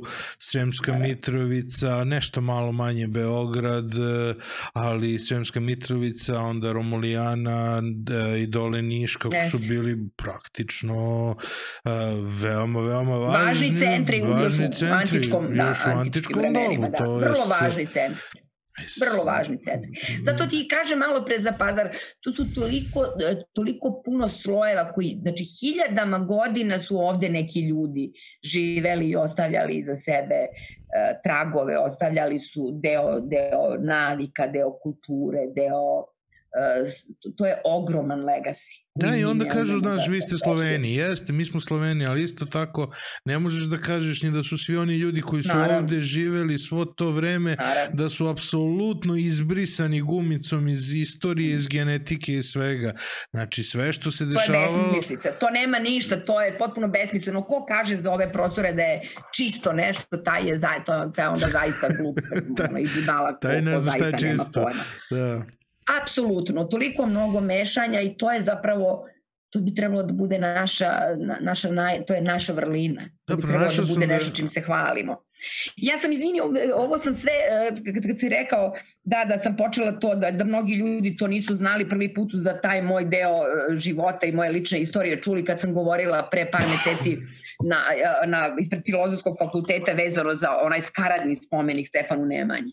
Mm -hmm. Ja sam to tada rekla, ja moja porodica, ja lično sam učestvovala u zaštiti svega toga i tih vrednosti i e, za mene je bilo poražavajuće da mi tada gomila ljudi se javlja po, po društvenim mrežama, ti kao ajda idi za Tursku ako ti se ne sviđa i tako dalje. To nažalost, taj primitivizam i nacionalizam koji izvira iz neznanja i neobaveštenosti je za mene i dalje poražavajući. A ja sam upravo osoba koja mirne duše može da kaže, e pa ne može takav spomenik, to je vrhunski kič, to nema veze.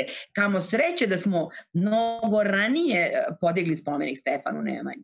Kamo sreće da se, da se na, na taj način deo srpske istorije što bi rekli klinci, ispoštovao da smo mu dali dignitet, da smo mu dali na, na vrednosti i na važnosti, ali da zaista učimo svoju decu onome šta je e, Stefan Nemanja, šta su Nemanjići dali za, za, za srpsku kulturu, a ne Blanko da onda rulja igra kolo, ali niko od njih nije s tvrdim životom otišao da vidi ni studenicu, ni Sopoćane, ni da ne govorimo o, o, o manastirima i crkvama na Kosovu koje su takođe fantastične. Tako da e, e, ja smem onako bez ikakvog problema da se trkam sa, sa 90% tih velikih jeli, Srba, da vidimo zbog čega, da, da vidimo šta znaju nešto o fresko slikarstvu. Da, to je jeste da. moja struka, ali ja sam, ja sam, kako bi rekla, vredno radila da naučim nešto o tome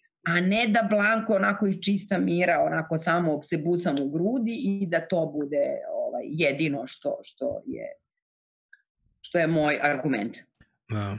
Upravo to, stari ras je bio, bila njegova tvrđava, Đurđevi stupovi, njegov manastir koji on podigao kad je, ovaj, kao da kažem, yes. neku vrstu kad zahvalnosti, kad je pobegao iz zatvoreništva, yes. da. A, Sv. Protić, recimo, kaže šta će njemu spomenik, on je sam sebi podigao studenicu između ostalog i ne samo studenicu, ja prosto da, da, mislim, ali on kao napravio je sebi spomenik da, za života.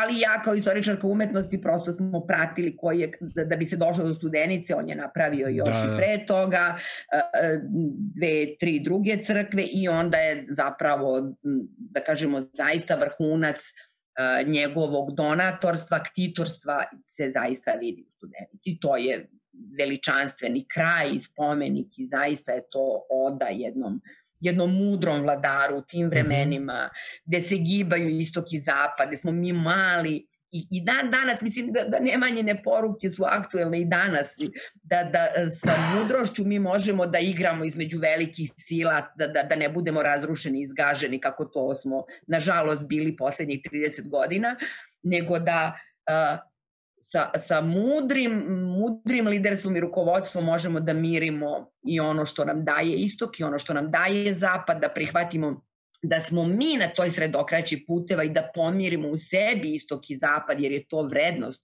To nikako nije gubitak da imamo i čirilicu i latinicu, da stojimo zapravo na mostu. Ja, ja mislim da su svi ovi predeli, da je Balkan generalno, ja uvek Balkan vidim kao most i nekada u nekim vremenima most spaja ljude, nažalost u, u lošim vremenima most razvaja ljude ovaj, e, i, i nekada se delimo po tim nekakvim šavovima, a to treba da bude naša prednost. To treba da bude. Mi možemo zaista da budemo taj, taj, taj, taj, e, taj susret istoka i zapada, tih i jednih i drugih vrednosti, jednog i drugog pisma i jedne i druge lepote i kvaliteta i da to se sažima neki narodi na, na, na zor što kažu stvaraju kulturni diversitet, a mi koji ga već prirodno imamo, mi ga odbacujemo i zato smo prokleti. Ja definitivno mislim dok god ne prihvatimo te svoje identitete i dok ne poradimo malo ozbiljnije na njima i dok ih ne prihvatimo kao dobro, uh, ja se bojim da mi nećemo mrdnuti ove smrtve tačke. Mm -hmm. Uh, pronašao sam isto da je Beograd uh, naziv uh, u Osmanskom carstvu bio kuća rata. Naziv za Beograd. Tako da ta, nešto ne, ta, nisam, da. taj most i raskrsnica. I reci mi sad, istorija umetnosti kroz novinarstvo do aktivizma 90, od 91. na ovamo. Kako, pa, kako funkcioniše nekako, ta tranzicija? Pa, do, to je prosto u mom životu se svašta nešto stihijski i hektično dešavalo, pošto sam ja bila radoznala osoba i još uvek sam onda uh, je sa istorijom umetnosti to nekako sam se ja jedno vreme zanosila da se bavim ovaj, uh, upravo tako revitalizacijom starih gradskih jezgara, onda nekako sam videla da to već, je, već smo ulazili u fazu kad je to sve teže išlo, kada su mnogi od tih fantastičnih ljudi koji su radili u mom pazaru praktično morali iz svog džepa da finansiraju te poduhvate. Ja sam onda se, ovaj, da kažemo, zaljubila u modernu umetnost i počela sam da pišem likovnu kritiku ovaj, za negde krajem 80-ih. To je bio jedan veoma ozbiljan i dobar časopis koji je tada Zemunska kapetanija izdavala, zvao se Likovni život i ja sam, boga mi, prilično aktivno radila, jedno skoro dve godine sam pisala, onda je nekako, kad je ovaj, a već sam imala kontakte sa, sa, sa Radio Novim pazarom i, i tu malo pekla radijski zanat, I onda je nekako bilo prilično logično, s obzirom da sam ovde upoznala mnoge naše velike novinare, da me nekako kao privezak povuku da odem nekako malo u novinarske vode. To je bila prvo televizija politika sa pokojnim Milanom Langom koji je bio moj dragi veliki prijatelj. Onda sam praktično 10. marta 91. znači posle čuvenih 9. marta su krenuli protesti. Ja sam 10. ili 11. marta otišla na studio B i tu ostala godinu dana.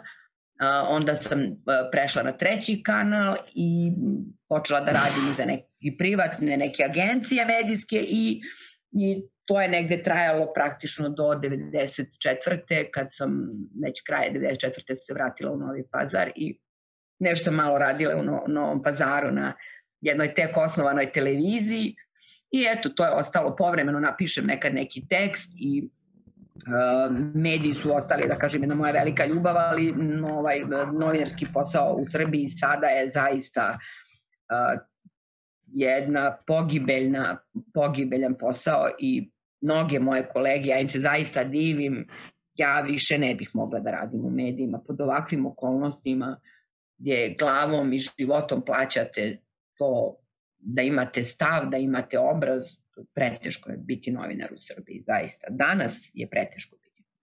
Ako hoćete da budete naravno ozbiljan novinar, ja ne mislim na ove cirkuzante koji nam se poturaju kao novinari. Tako da aktivizam, aktivizam je bio, kako bi rekla, moja potreba da uh, se ne, ne mirim sa, sa, sa onim što nam se dešavalo 90-ih. Ja sam tada, kažem, imala punih 30 godina, ali negde sam emotivno, mislim da sam imala ne više od 12, 13, ja sam bila šokirana da je uopšte moguće da nam se dešava rat i nekako je to bila moja na, onako duboka unutrašnja potreba da kažem ne ratu mm -hmm. i evo sada tačno negde u jesen će biti 30 godina kako sam ja postala uličarka Videla sam neke žene u, crnim, u crnoj odeći koje stoje na trgu Republike. Ja sam prišla i pitala, ne, vidim, videla sam da su transparenti protiv rata i pitala je li ja mogu da se pridružim. Naravno, to su bili Staša, bile Staša Zajović i žene u crnom. S mnogima od njih i dan danas i komuniciram i još uvek sam prijateljice i kad mogu da se pridružim nekim njihovim akcijama, pridružim se, nažalost, kažem, eto, zbog nekih okolnosti privatnih sve manje i sve teže, ali kad mogu, vrlo rado. Uh, Onda je došao Beogradski krug, Centar za antiratnu akciju, Građanski savez svakako i ja sam ovako da kažem u svim tim nekim aktivnostima koje su antiratne. Skoro je neko negdje našao neku sliku o, Nebojšu, o Nebojši Popovu u nekoj knjizi i vidim na nekom paljenju sveća kod, kod uh, Skupštine grada, nažalost u puno ljudi više nema. Stajala sam pored Stojana Cerovića, mislim da je Borka Pavićević bila i tako dalje. E, s Miladinom Životićem sam bila jako velika prijateljica. Miladin mi je nekako bio moj beogradski tata. Kako smo se šalili, bio je moj veliki uzor i neko ovaj, u koga sam mogla da pozovem u svako doba dana i noći da neke svoje dileme razrešim. Naravno, bilo je tu još prijatelja, evo, već sam pomenula Borku, u Biljanu Kovačević Vučo, mnogi od tih, da kažem, fenomenalnih ljudi, Miljenka Deretu i tako dalje, koji su zaista mi ovako i na, na i praktično neke stvari pokazivali, Žarka Koraća i Miljenka, njima sam zahvalna što su me naterali, ajde po znacima navoda, da napravim urbanin. Kad sam se vratila za pazar, oni su obojica insistirali da da napravim organizaciju. Ja sam pre toga bila učesnica, nikad nisam vodila nevladinu organizaciju, ali njih dvojice su bili nekako uporni da me nagovore da, da ili ostanem u Beogradu, ako već nisam ostala u Beogradu da napravim nešto što bi moglo da okuplja neke pametne, kvalitetne ljude koji se takođe ne mire sa, sa, sa okruženjem i eto, tako zahvaljujući njima dvojici je nastao urbani. Mm -hmm. E, šta ste sve radili kroz Tako da je to sve nekako... Klubova? Ja se pa sećam da, perioda... Urbanin je krenuo sa otvorenim klubom, jel tako? Aha, da, tad je da. krenuo, aha, aha. Dobro. Da, da, pa to je, mi smo, uh, mi smo napravili, to je bila uh, antiratna kampanja vezana za Kosovo, jer smo 97. videli da se ozbiljno kuva situacija i to je baš ekipa iz SDU-a, moji drugari i prijatelji, pošto sam ja jedna od osnivačica Socijaldemokratske unije, došli su i onda su me tako malo nagovarali, uh, onda je, ovaj, smo napravili smo jedan krug ljudi koji se okupljao, a onda je formali, oko formalizacije Miljenko ovaj, došao i pomogao nam sve, mm -hmm. dao nam neke parice da, da, da registrujemo organizaciju i Uh, nekako su to, to se sklopilo da, da se ja tada nekako vidim i sa Sonjom Liht i da mi postanemo tada, mislim, poslednji 13. otvoreni klub gde će postojalo 12 otvorenih klubova u Srbiji i Crnoj Gori i mi, ili 12 ili 13, evo sad da me ubiješ više, već je prošlo dosta vremena da I tako smo krenuli, tako smo krenuli da radimo, zaista se okupio jedan fantastičan broj ljudi i e, praktično smo mi pored Helsiškog odbora za ljudska prava i Sanđačkog odbora za ljudska prava i slobode bili prva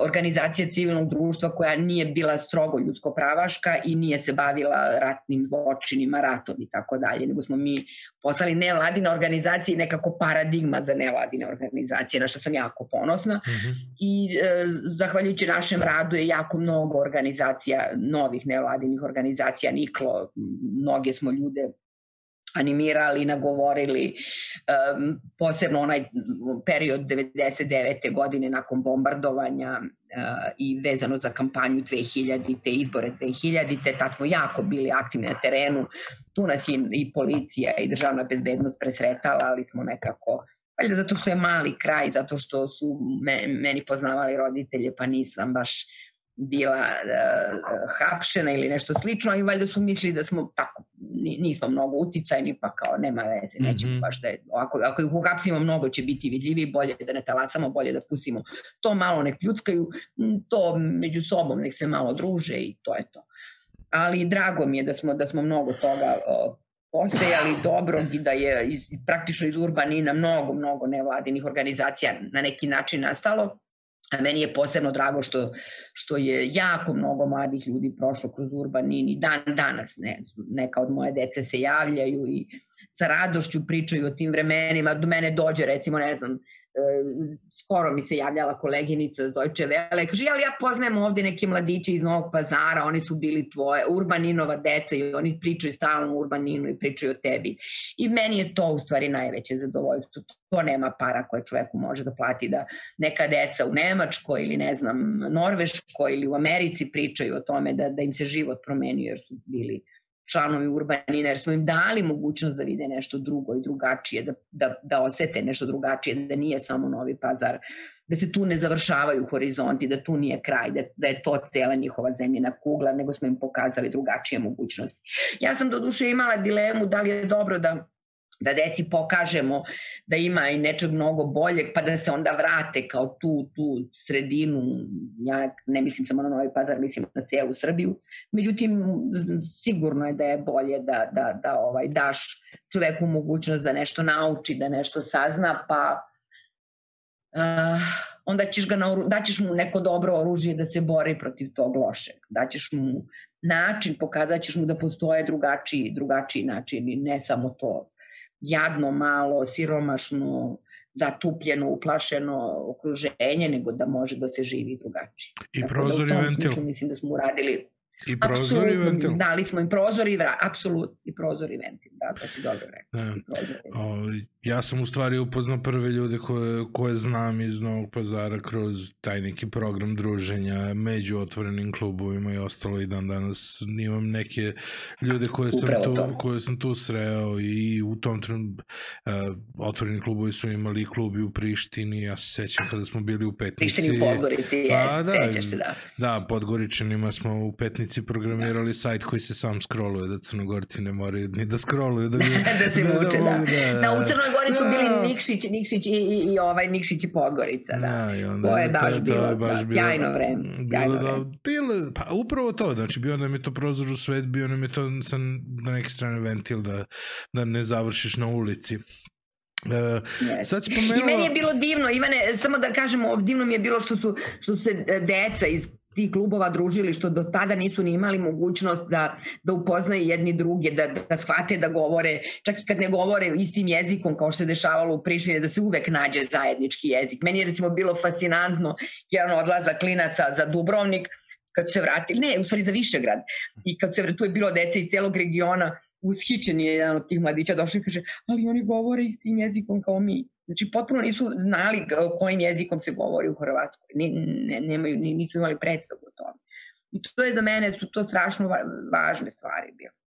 Da, a deca imaš... mogla da budu osuđena stvarno na jednu vrstu zatvorenosti i, i primitivizma, da i ta mahala koja postoji, ta provincija i ta ovaj palanka o, koje, o, o kojima Konstantinović ovaj, je pisao tako maestralno, da ih povuče u taj kal, međutim ta deca su zaista, većina njih su napravili ozbiljne živote, karijere, svoje su živote potpuno drugačije formatirali nakon toga. Da. I to ne mislim samo o Novopazarskom klubu, nego mislim o svim tim aktivnostima. Sve to što se radilo uh, je bilo fantastično. Ono što me, za mene jeste bolno, jeste što puno, mnogo, mnogo, mnogi od tih klinaca više nisu u Srbiji, u Hrvatskoj, u Bosni, nego su pobegli ne, za nekim boljim životom. A to, e, zato sam to ja morala da negde promenim fokus, da, da, da, da radim više sa ženama, a ne sa mladim. To je tužno zato što ja sam u principu i sa svoj rad prethodnih recimo 8 godina fokusirao na to da pokažem ljudima da mogu da žive i rade ovde, a da rade globalno za ceo sveta. Prosto dru, društvo i sistem toliko idu dole da prosto u nekom trenutku se zapitaš da li u stvari praviš medveđu uslugu svim tim ljudima da im objašnjavaš da treba da ostaju ovde i neki moji jako dobri prijatelji su nažalost i otišli i sve ostalo. A, mm. U principu ja i mislim da bi trebalo i otići, ali imati plan i da se vratiš i ostalo nažalost, neki kupuju da. samo karte u jednom pravcu. Ja sam igrom slučaju u životu imao tu situaciju da sam ja uvek bio smatram kao on je naš čuvena rečenica koja je izrečena nekoliko godina kasnije u Dubrovniku, ali Vojvodina je generalno uh, multietnička sredina. Ja sam imao tu situaciju yes. da sam živeo sa Romima koji insistiraju da ih ja zovem cigani zato što kažu kad si ti prenoćio pod našim krovom, kad si pojao sa nama ono, dva, tri Naravno. obroka, mi za tebe nismo Romi, mi smo za tebe cigani kao što si mi zovemo međusobno. Ja sam imao situaciju u Dubrovniku da ono, sedimo u nekom yes. restoranu i izlazi kuvar, ono, leto, briše se, kaže nešto kuvarica ga, ovaj, ga zeza na taj račun kao kako, ono, kao, šta je bilo, skuvao si se, kaže, vidi kako je ovo, ma ja se isto brišem, ono, Marevica, kaže, nemoj, on je naš, samo zato što je čula meni suprugu kako pričamo. Tako da ja imam to, on je naš, bez obzira gde je i pređem granice i sve ostalo.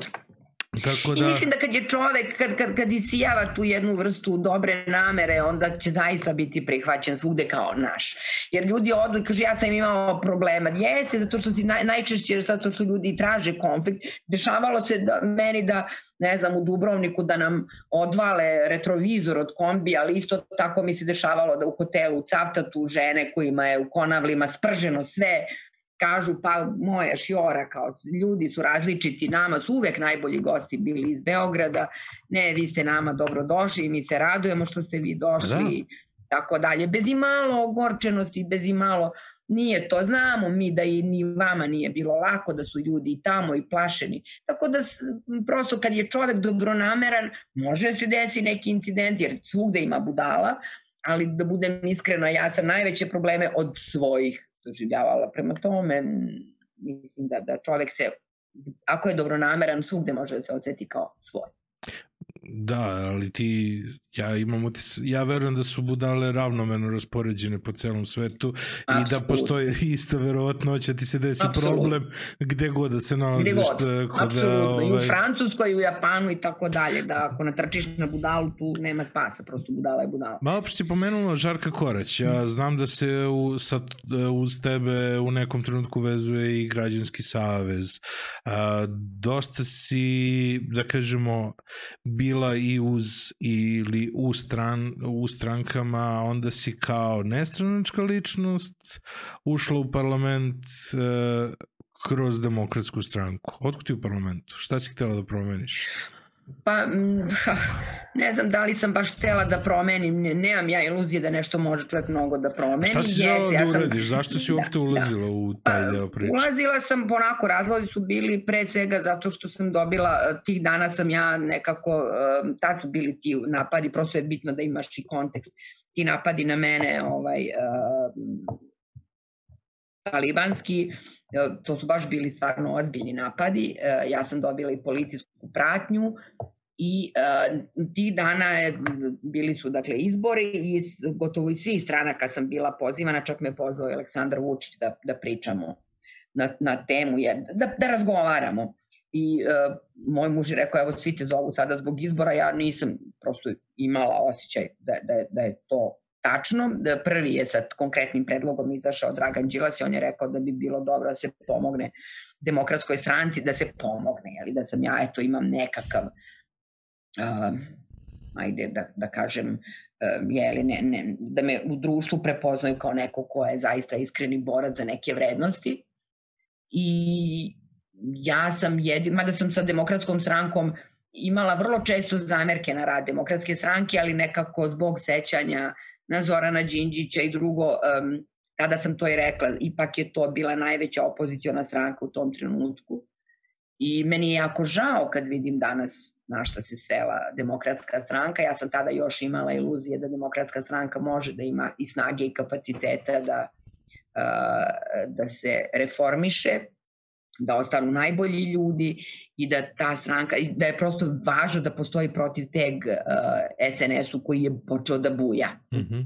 Koliko će on bujati, to tada ja nisam mogla zaista da imam predstavu, ali se videlo da prosto SNS buja i da je za mene tada bilo važno da postoji neki, nekakav kontrolni mehanizam. To je bila demokratska stranka, ali se nažalost ispostavilo da uh, demokratska stranka nije imala kapaciteta da to prevaziđe. Za mene je, te dve godine su bile dragocene, ono što je bio moj zahtev prema Draganu Đilasu kad mi on pozvao, Ja sam rekla da pristajem, ali e, da imam dva uslova da ne budem članica, da ne postanem članica demokratske stranke, već da budem nezavisna poslanica i da prosto mogu da uh, imam teme, da kažem svoj stav, da naravno obavestit ću svakako šefa poslaničkog kluba, kao što se i desilo vezano za Srebrenicu, jedina sam ja podržala taj deklaraciju o tome da se desio genocid u Srebrenici koji je stranka LSV Nenada Čanka i, i, i SDA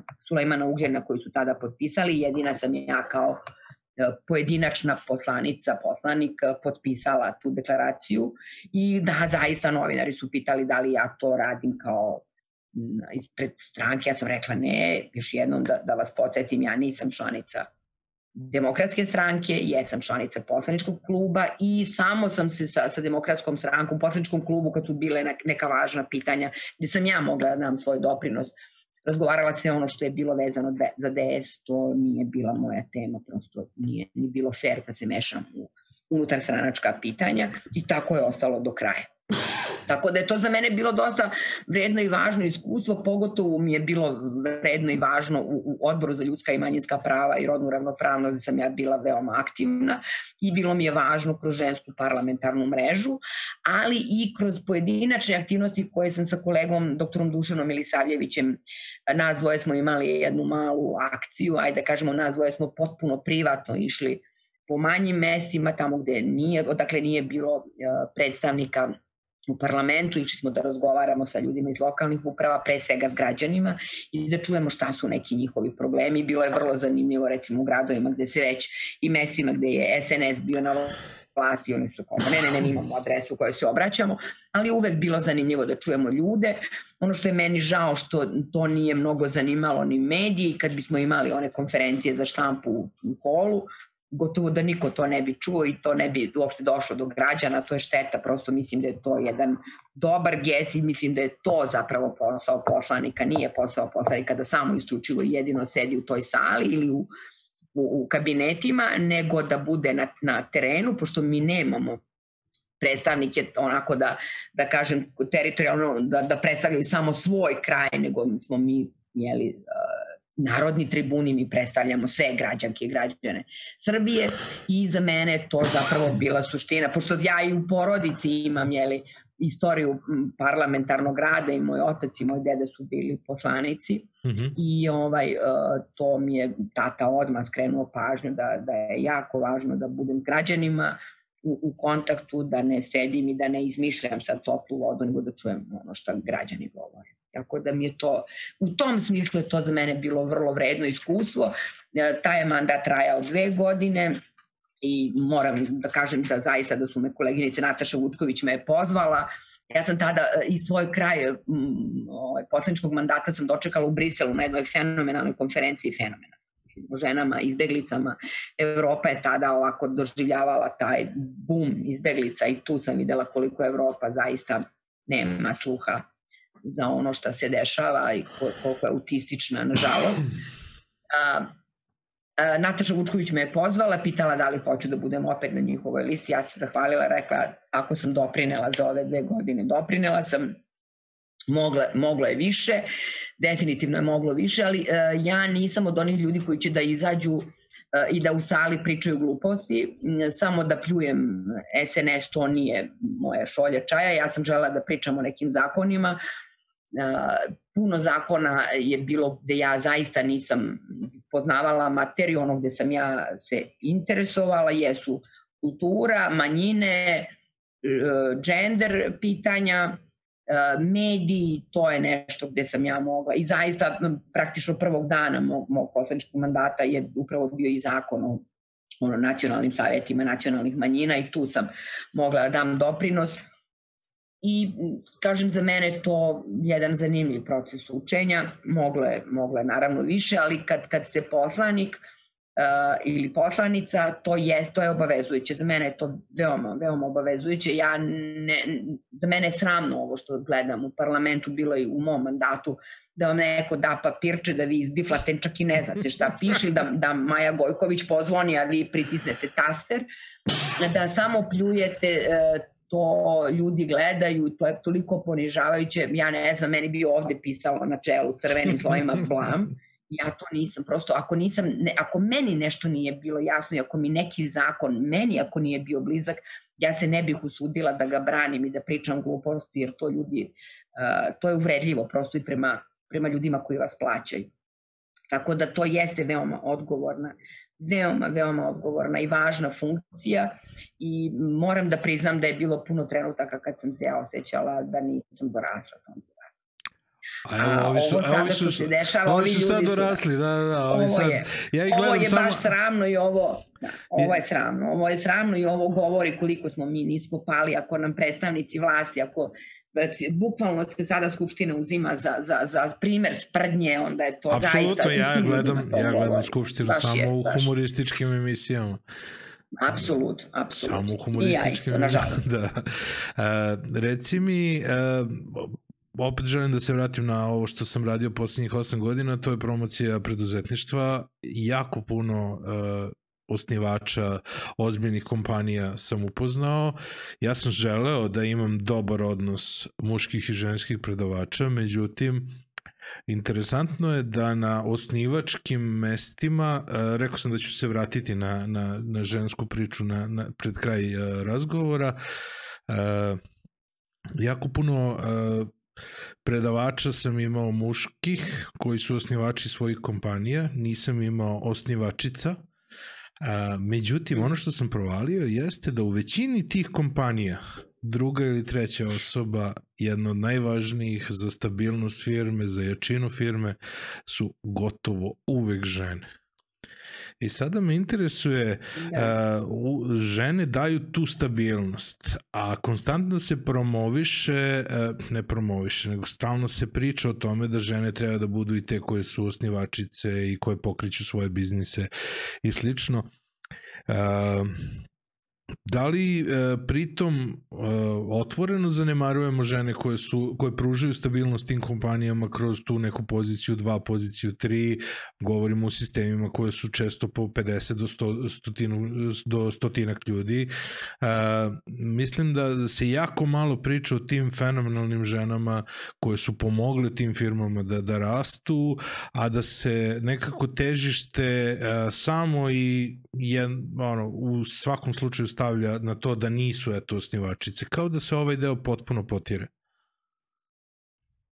Ne znam, to je valjda sve u skladu sa onim što smo pričali na početku, da u tom nekom podiljavom patrijarhatu moramo da vidimo muškarce na čelu, mi nažalost i u politici i tako dalje. E, kad se sedne za nekakav ozbiljan pregovarački sto, mi vidimo uglavnom muškarce. I to, to nažalost nije samo ovde slučaj, to ćemo da vidimo na svim velikim samitima i ne znam, G7 i tako dalje, uglavnom je 95% su muškarci, tuk i tak zaluta neka žena i to je nešto što mislim da mora da se menja. Kod nas ima, uh, ja znam dosta primera uh, gde su žene, gde uspešno, veoma uspešno vode svoje male kompanije, uh, kada su te neke malo veće kompanije, jeste, muškarci su i dalje lideri i znamo da je prosto tamo gde, su, gde je ozbiljan novac i gde je moć, tamo muškarci vode priču, ali isto tako znam da te kompanije jesu uspešne zahvaljujući žene.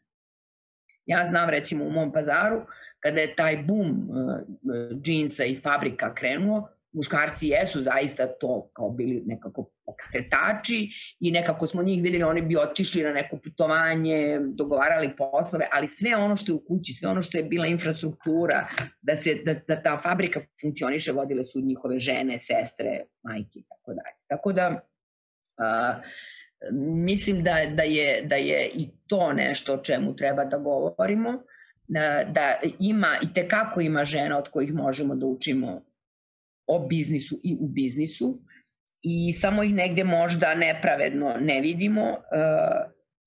Slažem se da, da, da, da treba da ih ima mnogo više i da se ta podela moći nekako, nekako da kažemo da se desi neka raspodela moći.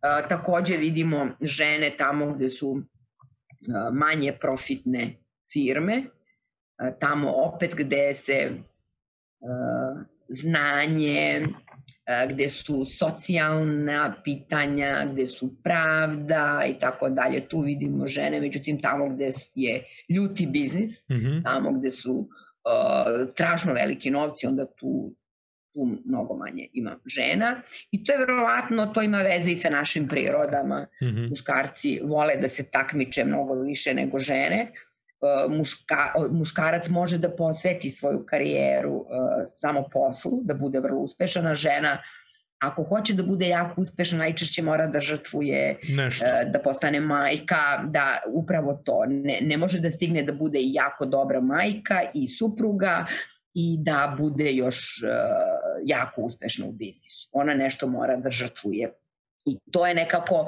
kako bi rekla, jedna vrsta nepravde s kojom, koju moramo u godinama pred nama i decenijama i tako dalje da razrešavamo. E, ne znam ko mi je ispričao skoro za, za jedan primer e, da je u Švedskoj su recimo bio je konkurs za neku veoma važnu uticajnu poziciju i da su bili muškarac i žena u, u trci za tu poziciju i na kraju je board odabrao ženu jer su rekli ona je majka, ima troje dece, ona, ona vodi svoj mali brod kroz uh, nevere i bure i ona će sigurno znati bolje da, da vodi našu kompaniju nego, nego bez što ima malu decu, ali mi imamo sistem, imamo društvo koje podržava takve žene. Mm -hmm. Mi dakle imamo socijalnu skrb, što bi rekli ovaj, uh, u Hrvatskoj, mi imamo organizovana obdaništa, mi imamo servise koji će pomoći da ona, e, da ona bude u, u, tom smislu bezbedna, a da svoje organizacione sposobnosti da za našu kompaniju. E to kad budemo mi razumeli, kad počnemo da primenjujemo takve modele, onda će i nama biti drugačije, onda ćemo imati više žena na, na mesima odlučivanja. Mi još uvek nažalost koliko god da je žena emancipovana, ona vrlo često popusti pod, pod nekakvim zahtevima tradicije, jer smo mi ipak ovde vaspitani da je porodica na prvom mestu, da žena treba da bude pre svega supruga, majka i tako dalje i da vrlo često zbog toga žene žrtvuju svoje moguće fantastične karijere, a muškarac koji se posveti biznisu to može da radi potpuno čiste savesti, da ima porodicu i da je vrlo uspešan tata, da on dođe i poigra se sa svojom decom pola sata pre spavanja, ali zato mama mora i da misli o nabavci, i o hrani i o tome da li će deca, da li su zdrava i da ih vodi kod lekara i tako dalje. To su, pogotovo kad se imaju male deca, kad se imaju stari, bolesni roditelji, to su ogromne obaveze. Ako država ne može, nema tu vrstu podrške i servisa, onda je žena praktično primorana da, da na svoja pleća zaista sve to prihvati. Ja sam čak čula poslednjih godina kod no, da mnogo žena reklo da su zapravo sa emancipacijom i nekakvim uh, jeli da kažem uticajima feminističkih pokreta mi same sebe skočile u stomak jer smo sebi navalile toliko mnogo ono kao obaveza uh, dobili smo poslove dobili smo karijere ali je sve ono što, što je bila porodica, porodična, porodične obaveze, da je za nas praktično ostalo isto. I to ja mogu da razumem da, da, da se žene sada, mnogi žene osjećaju kao u klopci, jer, kažem, nažalost, e, naša država i e, ne prati te zahteve i ne pomaže ženi da je oslobodi jednog dela tereta, uh, naprotiv, čini mi se da ovakva kakva je trenutno država samo sabotira sve što je. Koliko smo daleko? Što je ozbiljan napredak i sve što je. Molim? Koliko smo daleko? Ma mislim da smo prilično, da smo dosta daleko, ali to sve može da se promeni, ako kažem se promenimo i mi, ako razumemo da, da mnogo toga zavisi od nas. Ja mm -hmm. zaista mislim da, da mi ne, niti možemo, niti da očekujemo da bilo ko sa strane dođe i reši naše probleme, da mi moramo da pre svega, da svako od nas pojedinačno preispita sebe i svoj svoju ulogu, svi smo mi vredni i mhm. važni, koliko god da čovjek, čovjek nekad misli da je nevažan i mali, to nije istina, svako od nas je važan. Svi smo važni i ako ja prema sebi promenim svoj stav i zavolim sebe i mislim da sam važno ljudsko biće i vredno pažnje i sobstvene i tuđe, da će onda stvari početi da se, da se menjaju. Mi smo ovde e, generalno veoma, sad otiću predaleko, neću, zaustavit ću se na vreme, ali jako mnogo ljudi zapravo uh, vode nas uh, veoma teške emocije, ljudi se jako mnogo boje, ljudi su uplašeni, jako mnogo se stide, mnogo nagomilanih istorijskih slojeva, jako mnogo tragičnih porodičnih istorija, sve nas to koči kao bukagije na nogama, nikako da, da, da, da, da prezupčimo i da, da taj nekakav klik se napravi da mi krenemo s malo pozitivnijim emocijama. Kad, kad čovek ima tako mnogo negativnih emocija, kad ima tako mnogo teško nasleđe, e, istorijsko nasleđe, porodično teško nasleđe, to, to nas obstruira da mi nismo ni svesni toga. I mislim kad to na neki način počnemo da oslobađamo, zato je meni važno, žene su tu fleksibilnije, brže, brže uh, lakše komuniciraju sa svojom dušom, lakše komuniciraju same sa sobom i zato mi je važno da radimo na, na promeni ženske svesti, da, da, da, da pokažemo ženama da kad urone duboko u sebe da mogu da imaju sve, da, da bukvalno okeani mogućnosti u njima u svakoj od, od nas postoji.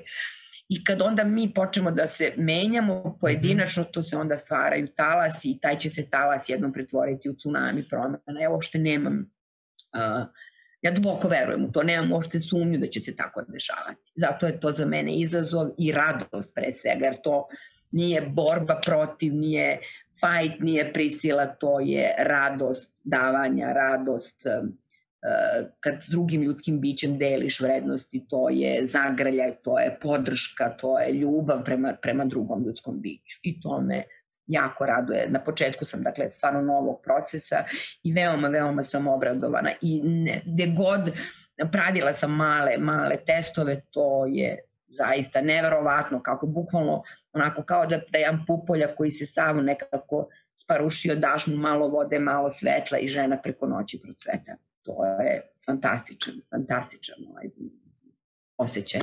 I mislim da samo ako tako budemo uh, razmišljali, ako tako budemo radili jedna prema drugoj, da će to jako brzo da se dešava. I da će naše društvo ozdraviti. Da, je to, da, će to, da ozdravljenje će biti neminovna posledica onoga što se u nama dešava. Kakve ljude tražiš za takav proces? Koga, sa kim se danas ukružuješ? Tražim ljude koji um, imaju veru da može da bude bolje. Tražim ljude koji prepoznaju ljubav u sebi i dobrotu u sebi to je to. Ne, ne treba nikakvo specijalno ni znanje. Ja sam nekada, dok sam bila mlađa, mislila sam da su inteligencija i obrazovanje naj, najvrednije kategorije. Mm -hmm. A onda sam shvatila da je, da je nešto mnogo značajnije. Upoznala sam mnogo loših ljudi koji su bili veoma obrazovani veoma inteligentni, ali su bili veoma loši, veoma toksični. A druge strane upoznala sam ljude koji nisu imali neko obrazovanje, ali su imali iskonsku dobrotu u sebi. I to je nešto što sam naučila da vrednujem i to je nešto gde sada prepoznajem svoje saveznice i saveznike.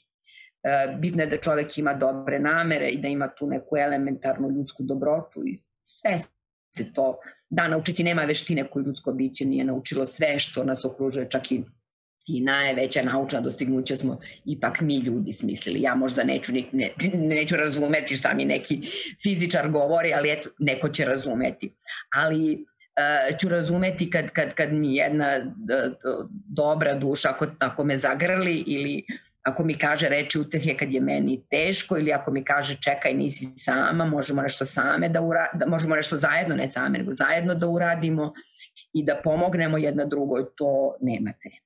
I mislim da je to da, da je čak i ovo što nam se sada desilo sa koronom, da je to i globalna opomena, da nas natera da budemo malo sami sa sobom, da u sebi nađemo vrednost i, i, snagu za koju nismo verovali da imamo, a onda kad prođe pošast da se onda no, s novom snagom i sa, sa novom željom da smo važni jedni drugima, da čovek nije zaista da nije ostrvo i da samo kad smo zajedno i prepleteni i kad imamo istinski te dobre namere da nema stvari koju ne možemo da, da, da pobedimo.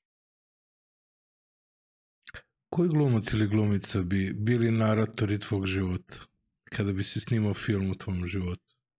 Hm, nisam razmišljala o tom. Ne, ne, nisam razmišljala. Bilo bi baš onako pretenciozno da, da bilo koga pozovem ili prozovem. Ne, ne, nisam razmišljala. Verovatno bi, ovaj, uh, verovatno to neki glumac i glumica moraju da odluče umesto mene, ne ja da izaberem. Neko bi trebao se pronaći u onome što ja govorim. Ne, Hvala ti puno ja sam za razgovor. najbolja glumica u svom životu, to je, za sad je to jedino što znam, da ja najbolje glumim u svom životu. Hvala ti puno za razgovor, uživao sam, evo, preko dva sata smo pričali, postoji još nešto... Moguće, wow. Da, ne računajući onaj tehnički deo gde nije bilo uključeno snimanje. Da, znači da. puna dva sata razgovora. Da. Ne, pa ne, ne, mislim, kako bi ti rekla, ja ne volim da dajem ljudima, ono, i toga sam uspela da, da se, da se, ili pokušavam da se ratosiljam, da ne dajem ni savete, ni, ni ovaj, bilo šta, ali nekako prosto iz nekog ličnog iskustva. Zaista mislim da je da, jako važno da, da negde budemo svesni da, je, da svako od nas je zaista božansko biće, da je okean. Svako od nas je okean, pojedinačno. I samo se plašimo da, da zaronimo dovoljno duboko i da vidimo da je sve u nama, svi, sva, svi odgovori, sva rešenja, sve je u nama. I kad to čovek osvesti, onda zna da niti je sam, da sve može i svi ti naši okeani kad se budu udruživali, kad se te, te, te ta svetlosna bića, jer mi jesmo u suštini, kad sve to oguliš, mi jesmo biće svetlosti, i onda to, to, mnogo tih malih svetala mo, može da napravi da sve oko nas treperi u svetlu. Divno. Samo to. Hvala ti puno. Hvala tebi, hvala tebi što si me pozvao, što si se setio i baš sam uživala i ja. Eto. Baš sam uživala. Želim prosto da, da pružim ljudima da mogu da, da čuju ljude koji imaju šta da kažu kao neka vrsta izolacije od svih onih dezinformacija. Ja, ja imam taj stav da smo iz informacijonog preleteli u dezinformacijono doba i da, Absolut. i da gomila Absolut. nekih stvari koje se trenutno dešavaju su potpuno besmislene i da treba slušati ljude koji imaju šta da kažu. Hvala ti još jednom. Apsolutno. Hvala tebi.